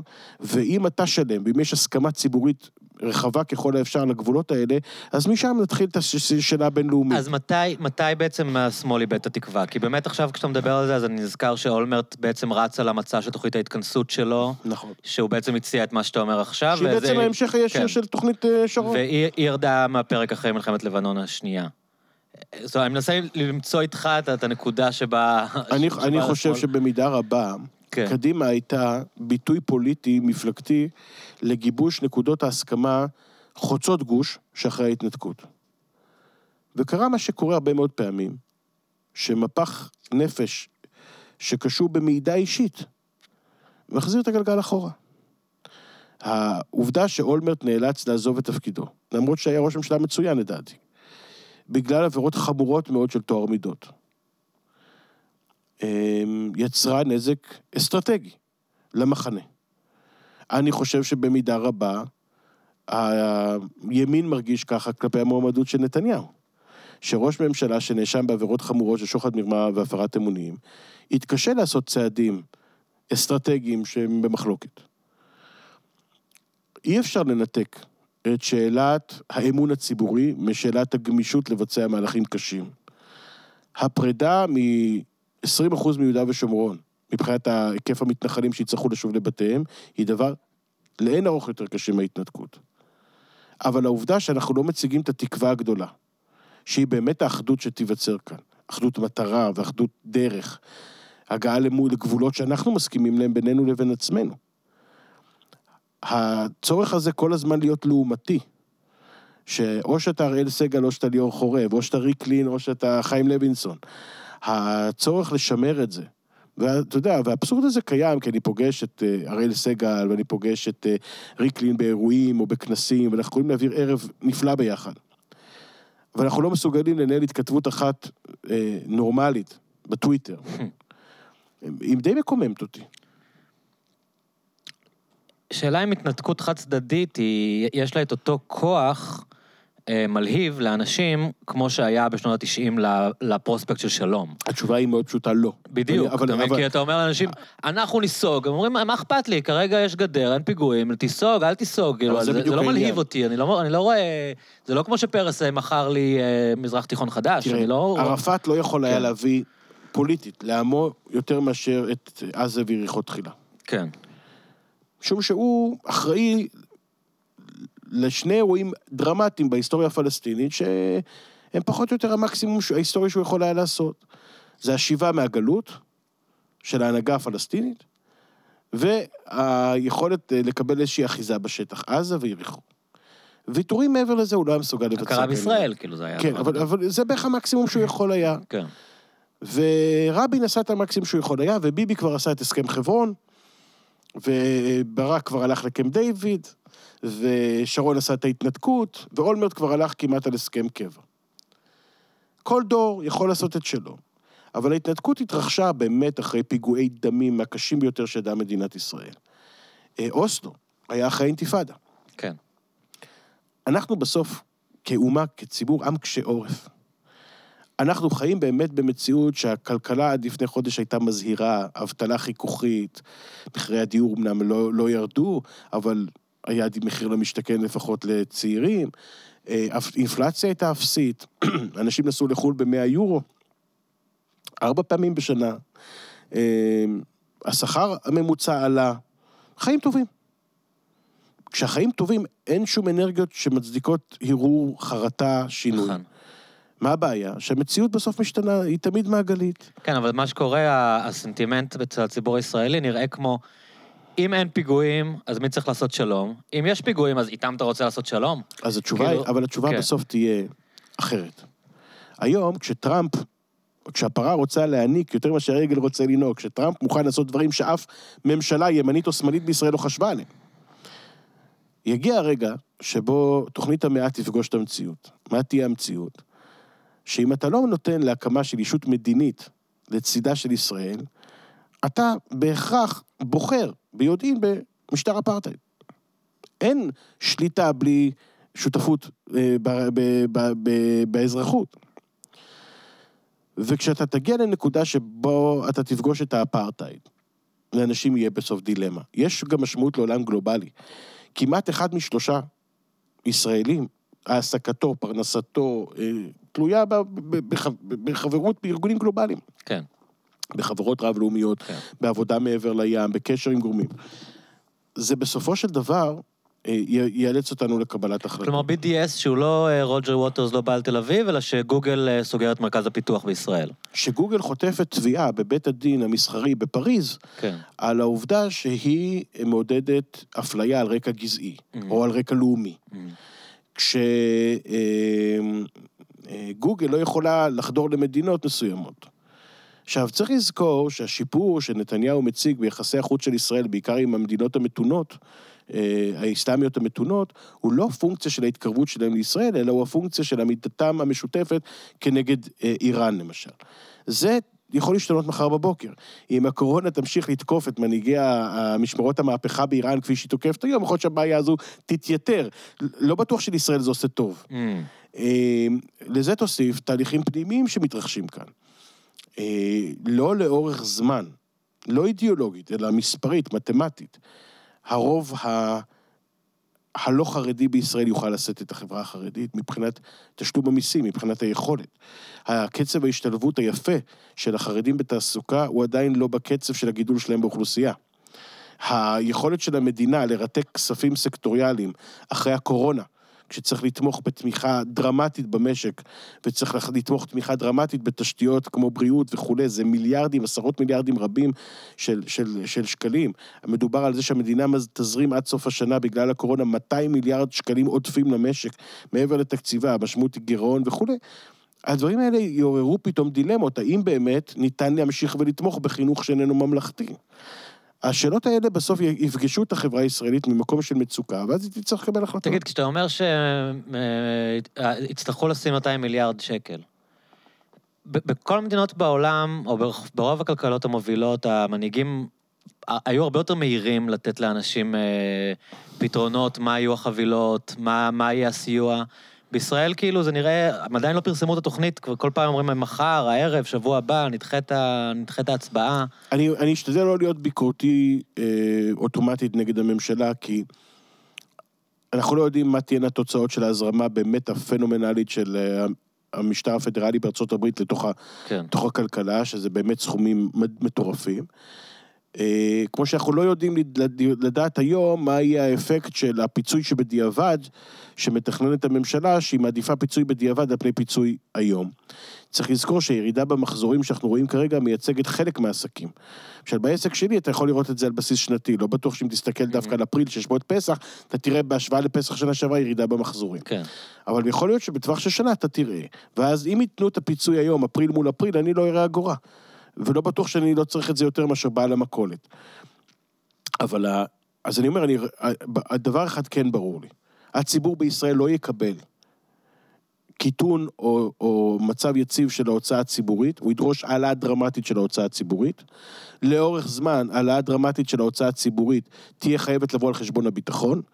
אה, שבאמת הגידול הוא אקספוננטלי בתקציב הביטחון. כל פעם אה, הגידול הזה הוא בלתי מתקבל על הדעת יותר ויותר. ביחס ישיר לרמת האיומים שהיא יורדת. ביחס ישיר לרמת האיומים שמישהו בוחר לצייר ברגע נתון. בדיוק, אני כן. תמיד צוחק שזה כמו הסייבר. סייבר, אם אתה מסתכל 20 שנה אחורה, זה דבר, זה סעיף תקציבי שלא היה קיים. וכל פעם שזה סוג של מחולל כלכלי שמחולל את עצמו. אתה מייצר איום, ומיד מייצר את הצורך בלהגן מפני האיום. זאת אומרת, מצד אחד 8200 ממציאה את הגלגל, ואחר כך אתה צריך להשקיע בגלגל של 8200 יצרה, כי מישהו אחר לקח את הטכנולוגיה. אז גם כאן, אני, דבר אחד אבל כן ברור לי. ישראל אה, יכולה וצריכה להשכיב הרבה מאוד כסף במשק, משום שהיא צריכה היום למנוע אה, גלגל תנופה של קריסה. כשעצמי אחד לא משלם לספקים, והספקים לא משלמים לספקים שלהם, אתה מקבל פה בסופו של דבר פשיטות רגל המוניות. אני כן חושב שישראל ישראל צריכה להיות הרבה יותר אמיצה ולא לעשות את זה תקציבית. אני חושב שיש היום המון כסף פנוי בקרנות הפנסיה ובכסף המוסדי. אבל שהמדינה- למה שלא יעשו את זה תקציבית? אם הם כל כך הרבה זמן מתגאים בגירעון, ב- כי- בזה שהחוב שלנו כל כך נמוך והוא רק 60% מהתוצר, כשבארצות הברית הם הולכים להגיע כי- ל-100 עכשיו, למ- אני- למה אני למה. שלא יקבלו מימון פשוט? קודם ו- כל, שני, שתי שאלות אה, אה, נפרדות. כן. שאלת המימון היא שאלה אחת, ושאלה לא, תקציבית אני היא אומר, שאלה למה לא אחרת. להגדיל את הגירעון? אז אני אומר, קודם כל, כי גם כשאתה, אם נדרשים 200 מיליון שקל, זה לא כמו להגדיל את הגירעון ב-40 מיליארד. 200 מיליארד שקל זה, זה להגדיל את הגירעון במונחים כמעט של ל-14 אחוז, שזה נכון. מאוד מאוד דרמטי. אז ישראל תהיה על 75 אחוז, היינו ככה כל ההיסטוריה אבל שלנו. אני חושב שיש פתרונות למה הרבה יותר? טובים. עדיף ללוות כסף שקלי מהגורמים הפנסיוניים והמוסדיים האחרים, שיושבים על הר מזומ- מזומנים אדיר, להתחייב באגרות חוב מיועדות, Mm. שזה דבר שלאורך זמן קרנות הפנסיה מעדיפות אותו. כן. אין לישראל בעיה היום להתמודד עם אגרות חוב כאלה ל-15-20 שנה. אתה מנתב כסף מוסדי, פיננסי ופנסיוני לצורך התנעת המשק, מבטיח תשואה מובטחת לקרנות הפנסיה, ובז... וברגע שההתחייבות הזו היא גם שקלית, היכולת שלך להתחייב על ההחזר הרבה כן. יותר גדולה. והמשק הישראלי אה, מאוד מנוסה ביציאה ממיתון, היינו במיתון שנבע, שהגיע אחרי, לפני ואחרי מלחמה. אני חושב שזה מיתון יחסית סביר. הבעיה פה העיקרית תהיה, וזו הבעיה העולמית אגב, אנחנו ידענו שאנחנו הולכים למהפכה דרמטית בשוק התעסוקה, ידענו שכשליש מהמקצועות המוכרים ייעלמו. נכון. זה היה תהליך שחשבנו שהוא ייקח בין 20 ל-30 שנה. הקורונה והמיתון שיבוא בעקבותיה יזרז את התהליכים, אנחנו נראה קומפקטיזציה של התהליך, להערכתי מ-20-30 שנה ל-5 עד 8, 10 שנים. תהיה הפחתה של העסקה ישירה, הרבה יותר אנשים יצטרכו להיות פרילנסים, הרבה אתה יותר אנשים מדבר יצטרכו... אבל במונחים, אה, במונחים אה, אבולוציוניים. אני- כן.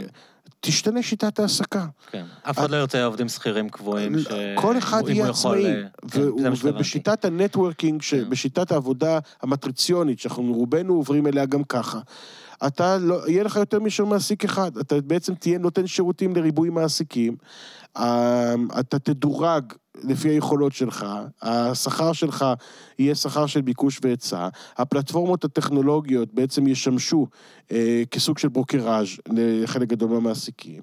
זה יתאים לאוכלוסייה צעירה, זה לחלוטין לא יתאים לאוכלוסייה מבוגרת. המגזר הציבורי יצטרך להעסיק יותר ויותר אנשים שזה, שהעבודה שלהם במגזר הציבורי היא כבר הקדנציה השנייה או השלישית שלהם ולא הראשונה. מורים, אין שום סיבה שמורה לא יהיה דווקא מבוגר, בוודאי לתיכונים ולא מורה בראשית דרכו. צעירים יוכלו לעבוד יותר מטריציונית. אה, בכלל, אה, חלק מהתפיסה של ביזור שירותים וביזור של העבודה אה, תגבר. אנחנו נראה... אה, בעיקר בתל אביב, נטישה המונית של משרדים שיצטרכו להפוך להיות דיור. אנחנו נראה אזורים שהיו מסחריים, שיצטרכו להפוך להיות אזורים של ריבוי שימושים. אה, אין שום סיבה היום להחזיק את המטראז' המשרדי שצריך כשאפשר לעבוד מהבית. זה יהיה בשורה גדולה למשל להיקף ונפח התעבורה בכבישים. כן. זאת תהיה בשורה אומללה אם זה לא ינוצל להעמקה ולסוף סוף לבחירה מודעת של רשויות מוניציפליות ושל הממשלה, בבחירה מודעת של העדפת נתיבים קיימים לטובת תחבורה ציבורית. אה, ומצד שני, אנחנו נראה הסתכלות אחרת על הפנאי. פתאום המעבר לחמישה ימי עבודה לא ייתפס כדבר מגונה. פתאום היכולת להחליט ששבת היא שבת ושהיא לתרבות ולא למסחר, וראשון הוא למסחר, לא תראה דבר מגונה, אנחנו נעבור לעבוד כמו העולם הגלובלי. אה, לצד זה, יהיו, אה, יהיה דור שלם שיצא ממעגל התעסוקה ושמדינה תצטרך לתמוך בו. אנחנו צריכים לזכור גם עוד דבר, שהוא מאוד לא פופולרי להגיד. הקורונה מייצרת שאלות פילוסופיות דרוויניסטיות. לכאורה, הקורונה מסוכנת בעיקר למבוגרים. לכאורה, אומר הטבע, יש פה בעיה. תוחלת החיים ארוכה מדי. תוחלת החיים ארוכה מדי, כן. אתם, הדור הצעיר לא מסוגל לשאת את תוחלת החיים הזו, ואנחנו... הטבע- מבחינה פנסיונית. כן, כאילו. ואנחנו הטבע מאזנים. אנחנו פוגעים במבוגרים מצילים את קרנות הפנסיה. כדי לי- לייצב מחדש כן. את הטבע. כן, עכשיו, בעולם דרוויניסטי אמיתי, ללא התערבות, ללא מכונות הנשמה, זה מה שהיה קורה. נכון. אה, רק שבעולם הומניסטי, דמוקרטי, זה לא יכול לקרות. וכאן באמת אה, אנחנו נכנסים, לדעתי, לעידן החדש של הפוליטיקה, שהוא קרב דורי, לא מעמדי, בין דור ההורים לדור הילדים. כבר לא תהיה השאלה מה אנחנו יכולים לתת לדור הזה של הילדים שיהיה להם יותר טוב, אלא תהיה תחרות ישירה על המשאבים בין דור המבוגרים לדור הילדים, שזו תחרות גם אלקטורלית וגם כספית וגם אה, אה, נורמטיבית, שכבר השאלה לא תהיה כמה כסף הולך לחינוך, אלא כמה כסף הולך לדיור מוגן, וכמה כסף הולך לפנסיה, וכמה כסף הולך לקצבאות. ולכאורה זה, זה היה אמור להיות כבר המובמנט של סנדרס, שהיה לה תמיכה מאוד גדולה עם צעירים שבאים ושואלים את עצמם את השאלות האלה ולא מקבלים את הסדר הקיים כמובן מאליו. אבל לוקח זמן לאנשים להבין. הקורונה, אתה יודע, כשחזרתי לארץ לפני, לפני, לפני שבועיים וחצי, אה, שרבטתי לעצמי במטוס אה, תוכנית עבודה ש, שחשבתי שהיא פסיכית. ואמרתי, נניח שהייתי צריך לייצר את הלקוחות של השנה הבאה, עוד שנתיים. הלקוח החדש, הוא הלקוח, הוא מה שקראנו פעם מפלגות הגמלאים. משום שמי מחליט להעביר מכונת הנשמה בצפון איטליה ממבוגר לצעיר? רופא צעיר. מי מחליט שהחיים שלי, שנשארו לי אולי עוד עשר שנים טובות, יותר, פחות חשובים ממי שיש לו אולי שלושים שנים טובות? מי מחליט שאתה תוציא אותי לפנסיה בגיל 67 ו- ותגזור את גורלי לעוני, כשאני עוד יכול לעבוד חמש, שש, שבע שנים? מי קבע שאני צריך לפנות מקום לעובד צעיר, פחות מוכשר, פחות מנוסה? מי קבע ש, שאתה אה, ת, תשלם לי קצבת רעב, כי אתה רוצה כרגע לתמוך במישהו שהוא לדעתך יותר יצרני. הרי הקול שלי בין ה-65, בין ה-67, בין ה-74, זהה לקול של ה-20, בין ה-25 או ה-18. אלקטורלית, אני הרבה, נתח שוק הרבה יותר גדול ממנו. אלקטורלית, אני בא להצביע באחוזים יותר גבוהים ממנו. נכון. שווה בנפשך שיקומו כמו מפלגות הירוקים בשנות ה-90 באירופה, יקומו מפלגות גמלאים. והם גם השתלטו על הפוליטיקה ב- ב- של רוב הפרלמנטים באירופה, כי אירופה מזדקנת. הם גם ישלחו פוליטיקאים שמייצגים את האג'נדה הזו לפרלמנט האירופי, והם גם יעשו תעלול פיננסי. הם יסבירו לקרנות הפנסיה, שמחזיקות חלק עצום מההון, שחשוב לתמוך בהם, כי אחרת יבואו הצעירים וידפקו את קרנות הפנסיה, כל פעם יגנבו להם את הכסף בשביל ליישר את הגירעון. עכשיו תגיד, תגיד לי, אם אתה לא מבין לאן זה הולך, אנחנו הולכים למאבק דורי עקוב מדם. אבל כבר, כבר היום הבומרים אה, מכתיבים את האג'נדה, לא? אנחנו רואים אה, הברקזיט היה בגדול נתמך על ידי אוכלוסייה מבוגרת, הצעירים באנגליה מאוד התנגדו לזה. כן, רוב האנשים ו... לא ידעו על מה הם מצביעים בכלל. כן, אבל בגדול, אתה רואה את ההתפלגות הגילאית, זה ממש דור ה baby boomers בהמוניו תמך, ב, תמך בברקזיט, ואותו דבר אה, עם דונלד טראמפ באמת. וגם עכשיו, ברני סנדרס, שלכאורה הצעירים היו אמורים להביא לו את המועמדות, והוא זה... היה אמור להלהיב והם לא באו להצביע אבל שוב. אבל זה, זה לא מקרי, תראה. כן. בסוף, מה יישאר באירופה בעוד חודשיים, בעוד שלושה? יישארו הזיכרונות של שיחות הטלפון המתחננות של חברי, איחוד, של חברי הפרלמנט האיטלקים באיחוד האירופי שמתחננים למכונות הנשמה, ואירופה אומרת להם יוק, לכו תחפשו את החברים שלכם. המטוסים שגרמניה שולחת עכשיו, כן, זה, מטוסי יח... זה מטוסי יחסי ציבור. כן. גרמניה כן, שהיא היום... כן, כמה, אח... עשרות חולים סך הכל. גרמניה נכון? שהיא היום פחות או יותר מחזיקה היחידה את הטלאים שנשארו מהאיחוד האירופי, כן. מנסה להראות איזושהי ערבות הדדית. אבל בסוף, עם כל הכבוד, לא נעים להגיד, אמ, יש יותר ערבות הדדית כנראה בין סין לבין ישראל מאשר בין מדינות בתוך האיחוד האירופי. ובעולם שאחרי הקורונה, חלק מהשינויים הדרמטיים, יהיו אחד, לצערי, ההתחזקות, הלאומנות בפוליטיקה המקומית. בגלל בה... הקורונה? ב... לא, זה לא, זה התחזקות. לא, אבל מה, כי, כי מבינים שזה כל מדינה לעצמה, ואתה לא יכול לסמוך... אחד, שכל מדינה לעצמה, שהחזקות שורדות והחלשות, נראה את ספרד, ספרד היום חלשה מבין מדינות כן. האיחוד האירופי. איטליה היא מהחלשות של כן. באיחוד האירופי. וגרמניה מעבירה את זה בצורה בדיוק. מדהימה בינתיים מבחינת שירות המתים. עכשיו, מה שזה כבר צץ בשאלה של ההגירה, שאני טוען שזה בכלל מושג לא נכון, אין הגירה. יש נדידת עמים. כן. ונדידת העמים מאפריקה לכיוון אירופה, גם כן המדינות החלשות הן הראשונות להיפגע. אה, ובמובן הזה אני חושב שקיימת סכנה מוחשית ומיידית להמשך קיומו של האיחוד האירופי. נאט"ו התבררה כגורם לחלוטין לא מעניין באירוע שהוא אסון הומניטרי בקנה מידה של פעם במאה שנה. נאט"ו, שאמור להיות הצבא של, של האיחוד האירופי או של הברית האירופית, כן. לא משחק פה שום תפקיד. וזה גוף שהושקעו בו טריליוני דולרים. אבל זה גם בגלל טראמפ, לא בגלל הפרישה של טראמפ. אבל זה לא משנה. כן. אתה מש... אם, אם עברנו אירוע כזה, ו... ולנאטו לא היה מה להשפיע... אז אין על מי לסמוך לו, זה לא רלוונטי. אז בוא נסגור אותו. אמ, האו"ם הוכיח אה, יכולות טובות מאוד, בעיקר בעולם השלישי. אבל האבסורד הוא שרוב המדינות התגלו במערומיהם אה, בתחום של הרפואה הציבורית. עכשיו, בארצות הברית, שאני מזכיר לך שאחד מהנקודות העיקריות של טראמפ היה ביטול האובמה קיר. הרפובליקנים לא יוכלו להצדיק. עכשיו, הנקודה היא השאלה בכמה הקורונה תפגע במואזים הרפובליקנים. בינתיים היא פוגעת בעיקר במואזים הדמוקרטיים. כן, במדינת וושינגטון יורק, אבל היא, היא כנראה תנדוד. וכשהיא... פשוט הם גרים באזורים פחות מרוכזי אוכלוסין. נכון, אבל פלורידה כבר מתחילה כן. להראות סימנים משמעותיים של פגיעה כן. וכולי. כשזה יגיע ל-רד בלט, למדינות המעוז הרפובליקני, יישאלו שאלות קשות מאוד. ולכן אני חושב שאנחנו לפני תמורות מאוד משמעותיות, לאומנות אמרתי, אה, אני חושב שיש אפילו בישראל, אם תיקח את זה לשאלות יסוד שאנחנו עוסקים בהן הרבה מאוד שנים. בין הרצון לבטל מכסים ולפתוח את השוק לחלוטין לתחרות, לבין שאלת ביטחון המזון. אני חושב שלעמדה שמצדדת בצורך לשמר עליונות ויתרון לחקלאות הישראלית, היא קיבלה חיזוק משמעותי בחודש האחרון. כן, אין ביצים.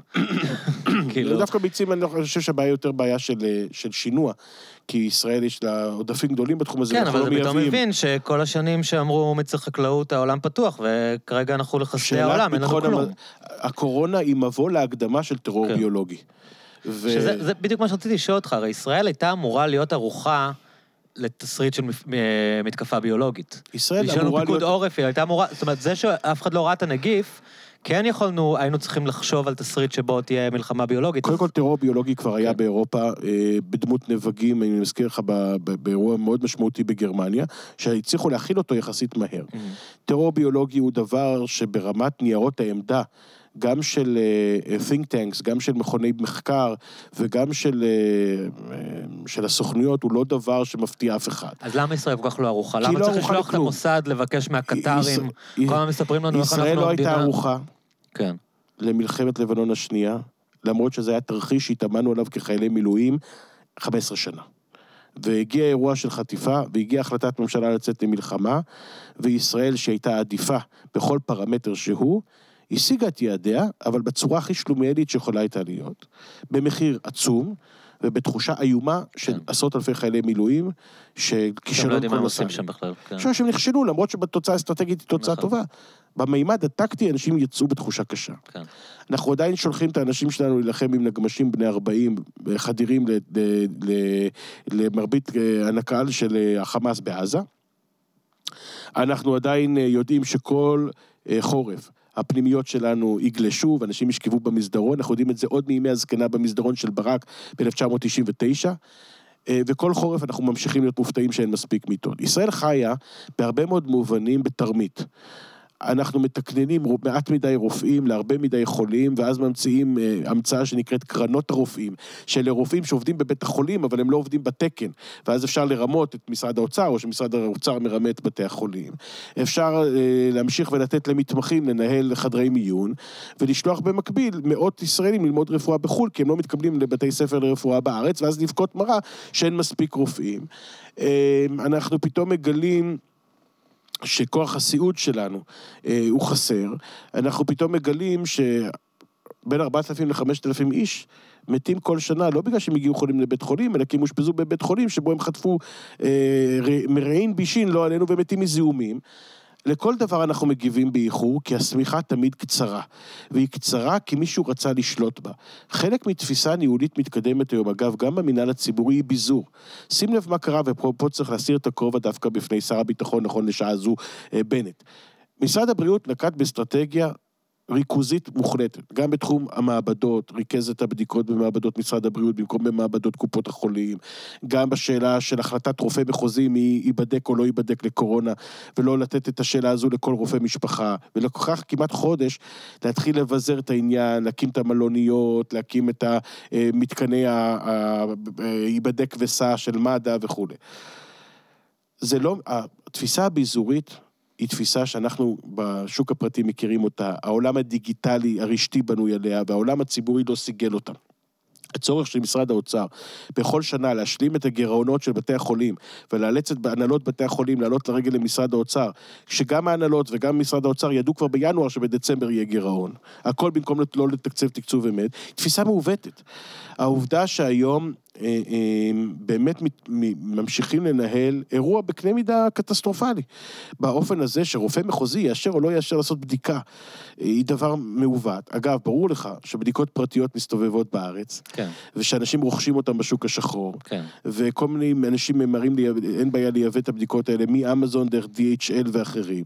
מי שיש לו כסף יכול להיבדק. חלק מהבעיה אולי זה שבאמת זה נראה כאילו בישראל מנוהלת על ידי פקידים. ב...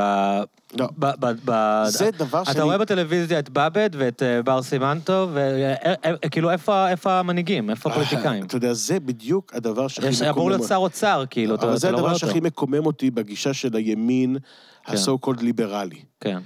אין שלטון של פקידים. יש שלטון מושחת של נבחרי הציבור. שהרי אם ליצמן היה מבין משהו בבריאות, כן. ואם היה נדרש מליצמן להבין בבריאות, כדי שהוא יהיה שר בריאות, ואני לא מלין על ליצמן הבן אדם, mm-hmm. אבל כאשר שר הבריאות לא מבטא אפילו באופן נכון את שם המחלה, את שם הווירוס, כששר הבריאות מציע לנו להסתמך על חסדי אה, המשיח בן דוד במקום על אה, רפואה מודרנית. כאשר שר הבריאות מפנה מחלקה בשביל שיהיה לאדמו"ר שלו מקום להיות.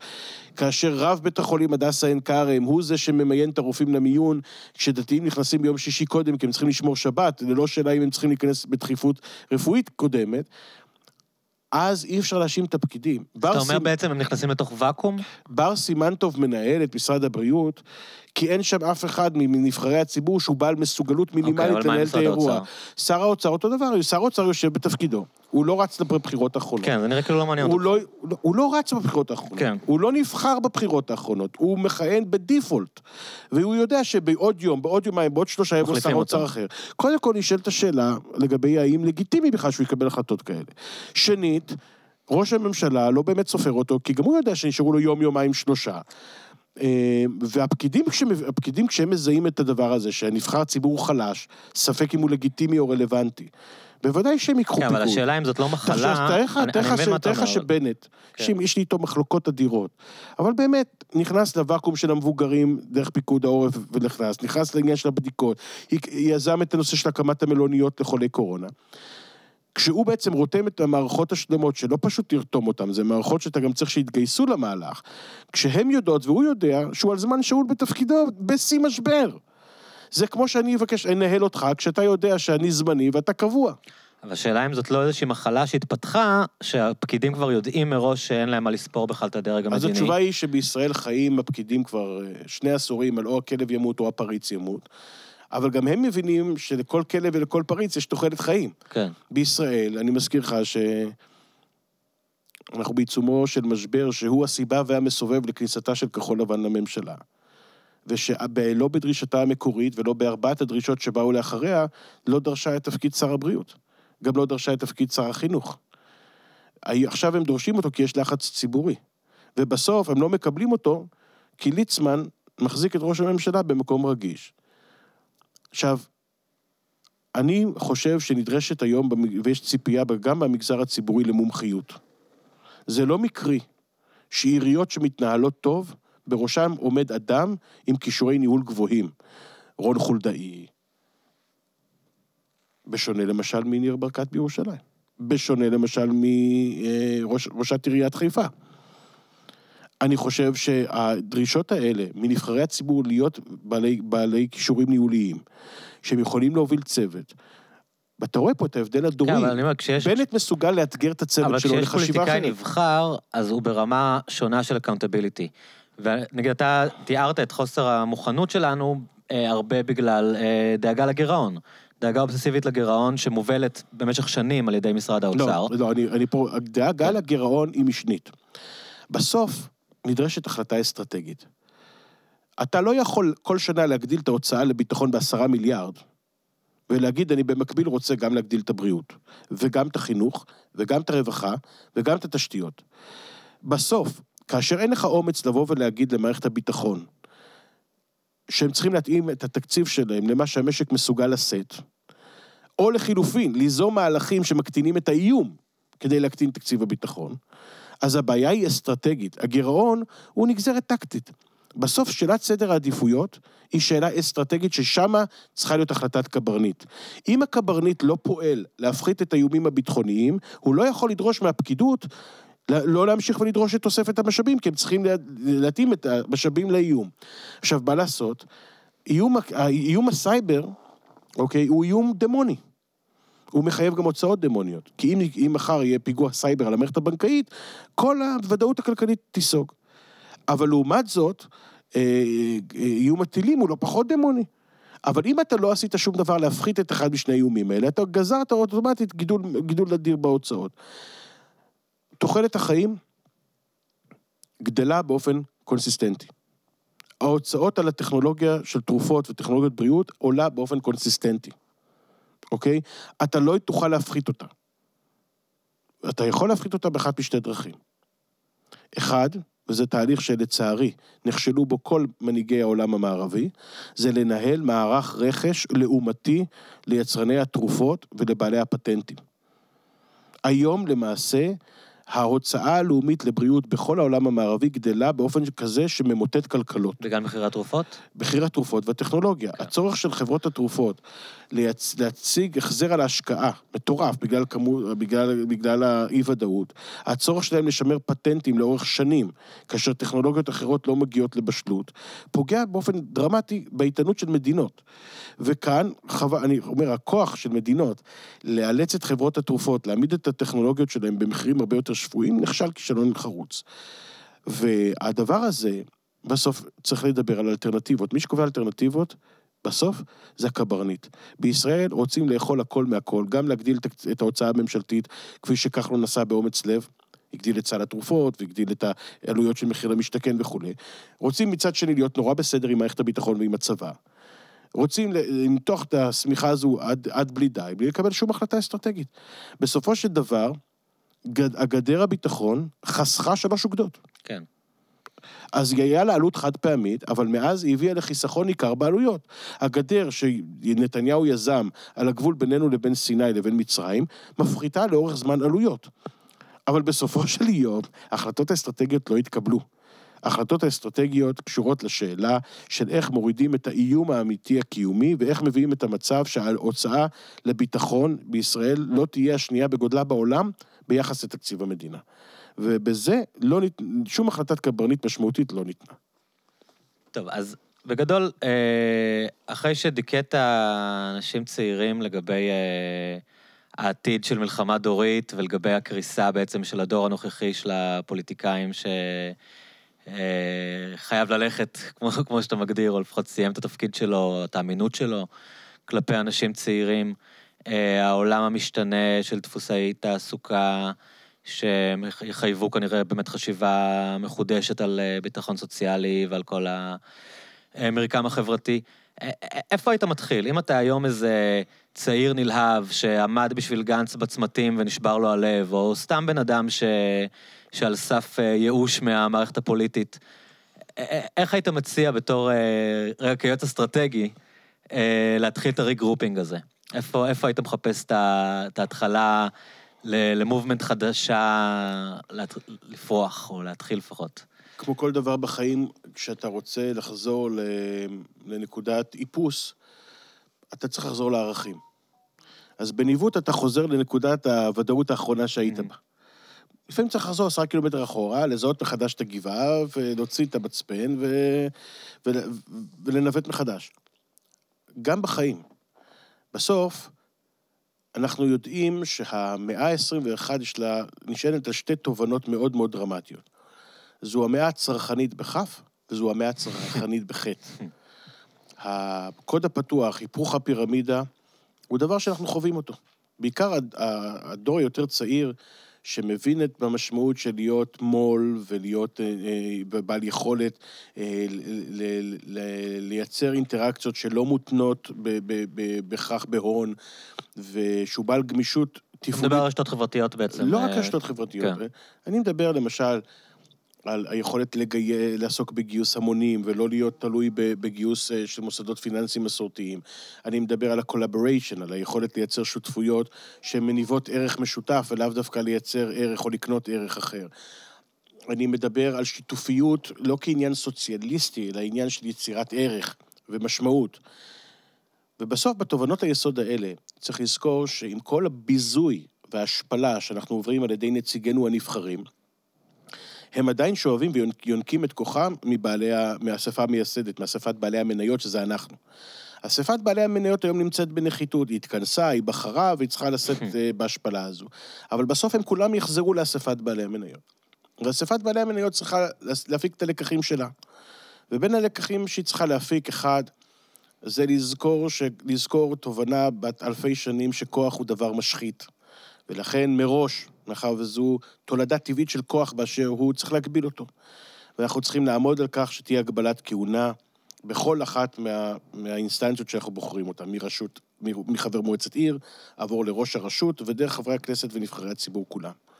התובנה השנייה שאנחנו צריכים אה, לפתח היא שאנחנו רוצים שיבזרו לנו סמכויות ככל שרק ניתן. וביזור הסמכויות צריך להיות באופן כזה שאנחנו, עם כל הכאב והצער, צריכים לתת לרשויות המקומיות הרבה יותר כוח, בין אם זה לתחבורה ציבורית, רישוי עסקים, חינוך. זה גם יאפשר להתאים תרבותית את התוכן לאוכלוסייה, וגם יאפשר לאוכלוסייה להיות מושפעת ומשפיעה על התכנים שאותם היא צורכת. אה, הדבר השלישי שאנחנו צריכים אה, אה, לקחת בחשבון, שבסוף אנחנו שווים כשווי של הפרוקסי שאנחנו מעניקים. ואם אתה רוצה להיות פחות מושפע מהפרוקסי שאתה מעניק לאחרים, אתה צריך להחליט מה דרגת המעורבות שאתה לוקח. המחשבה שהמעורבות יכולה להתמקצע או, או, או להתממש בישיבה של מספר שעות ביום ברשתות החברתיות היא תפיסה נאיבית. ואני מאוד שמח על ההתעוררות שאני רואה היום בנכונות של אנשים עובדים קשה ועסוקים מאוד לקחת ולהיות מעורבים בהנהגות אה, עירוניות ובהנהגות הורים בגנים ובבתי ספר. אני חושב שהקמה של קהילות, מקהילות של אה, בתים משותפים, שלוקחים את הגורל של הנכסים המשותפים שלהם ליד ועד קהילות אחרות, הוא דבר מאוד מאוד חיובי בעיניי. אני חושב שההבנה שהמרקם הקהילתי אה, הוא חייב להיות הרבה יותר הטרוגני ממה שהוא היה בעבר, היא גם כן תולדה חשובה, לא רק של המשבר הפוליטי, אלא אפילו משבר הקורונה. החזרה של עקרונות יסוד של ערבות הדדית, בין מעסיקים למועסקים, בין מועסקים לבין עצמם, בין מבוגרים לבין צעירים.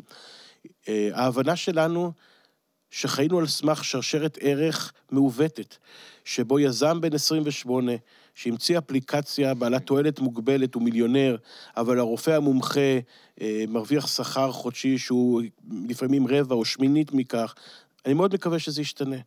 בואו נזכור שעובדי הציבור שלנו בהוראה, ואחיות ואחיות בבתי חולים ורופאים, אה, התרומה שלהם לטובת הציבור גדולה יותר כנראה ממתכנתי אפליקציה, אה, או מאחרים שעוסקים בלופט גשפט של ניירות ערך ו- וביטקוין, ושיש השקעות ריאליות שצריך לתת להם עדיפות.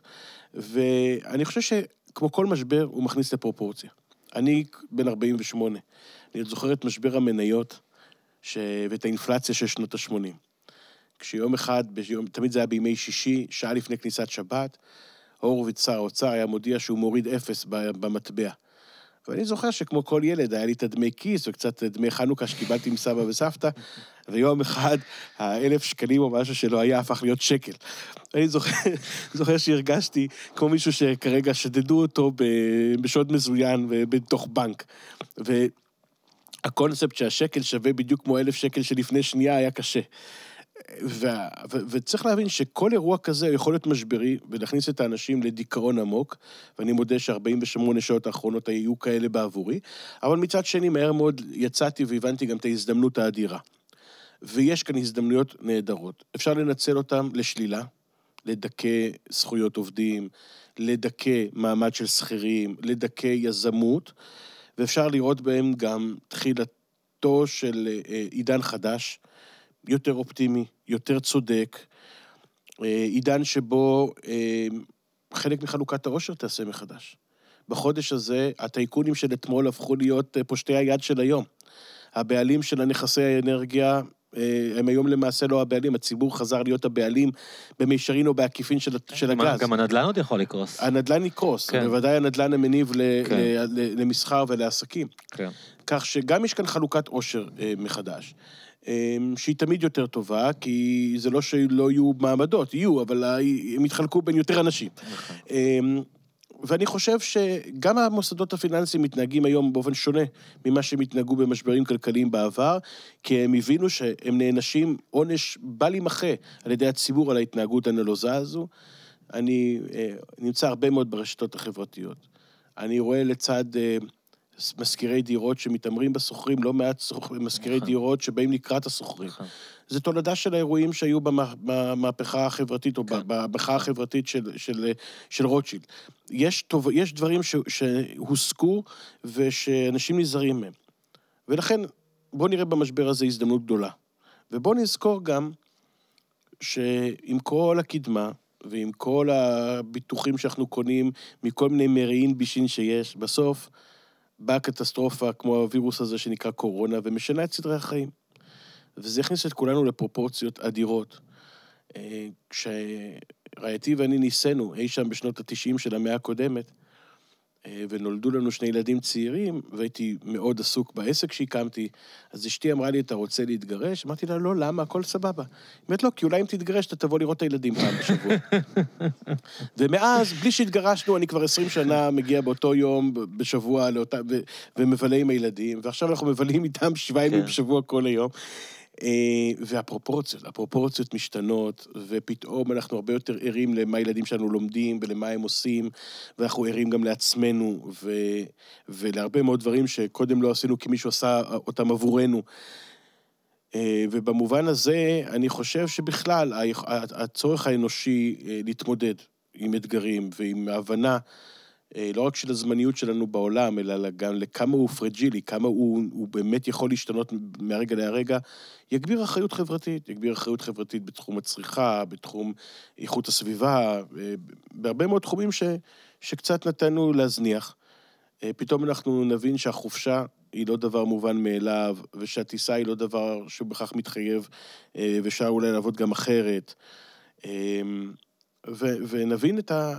נבין שבסוף באמת, כשהפרפר מניע את כנפיו בצד אחד של העולם, הוא בסוף מייצר צונאמי ב- במקום אחר. ו... והמטוטלת הזו וחוק הכלים השלובים הזה, שמשהו שמתחיל ב... אצל הטלף אחד בסין, בסוף מכניס כן, אה, מיליוני. אנשים לבידוד, כן, ואני חושב שזה דבר מאוד מאוד חשוב כתובנה, ונותן לנו גם קצת פרופורציה לגבי כל מיני מחלוקות ויריבויות שהעסיקו את כולנו עד לפני חודש, והיום באמת נראים זוטי זוטות. אז אה, אני שמח שסיימנו בטון אופטימי. אה, ליאור, ממש ממש נהניתי לפגוש אותך ולהקשיב לך. אה, אני אשמח אם מתי שנעשה את זה עוד פעם, אם תהיה פנוי. ביי, להתראות. תודה רבה.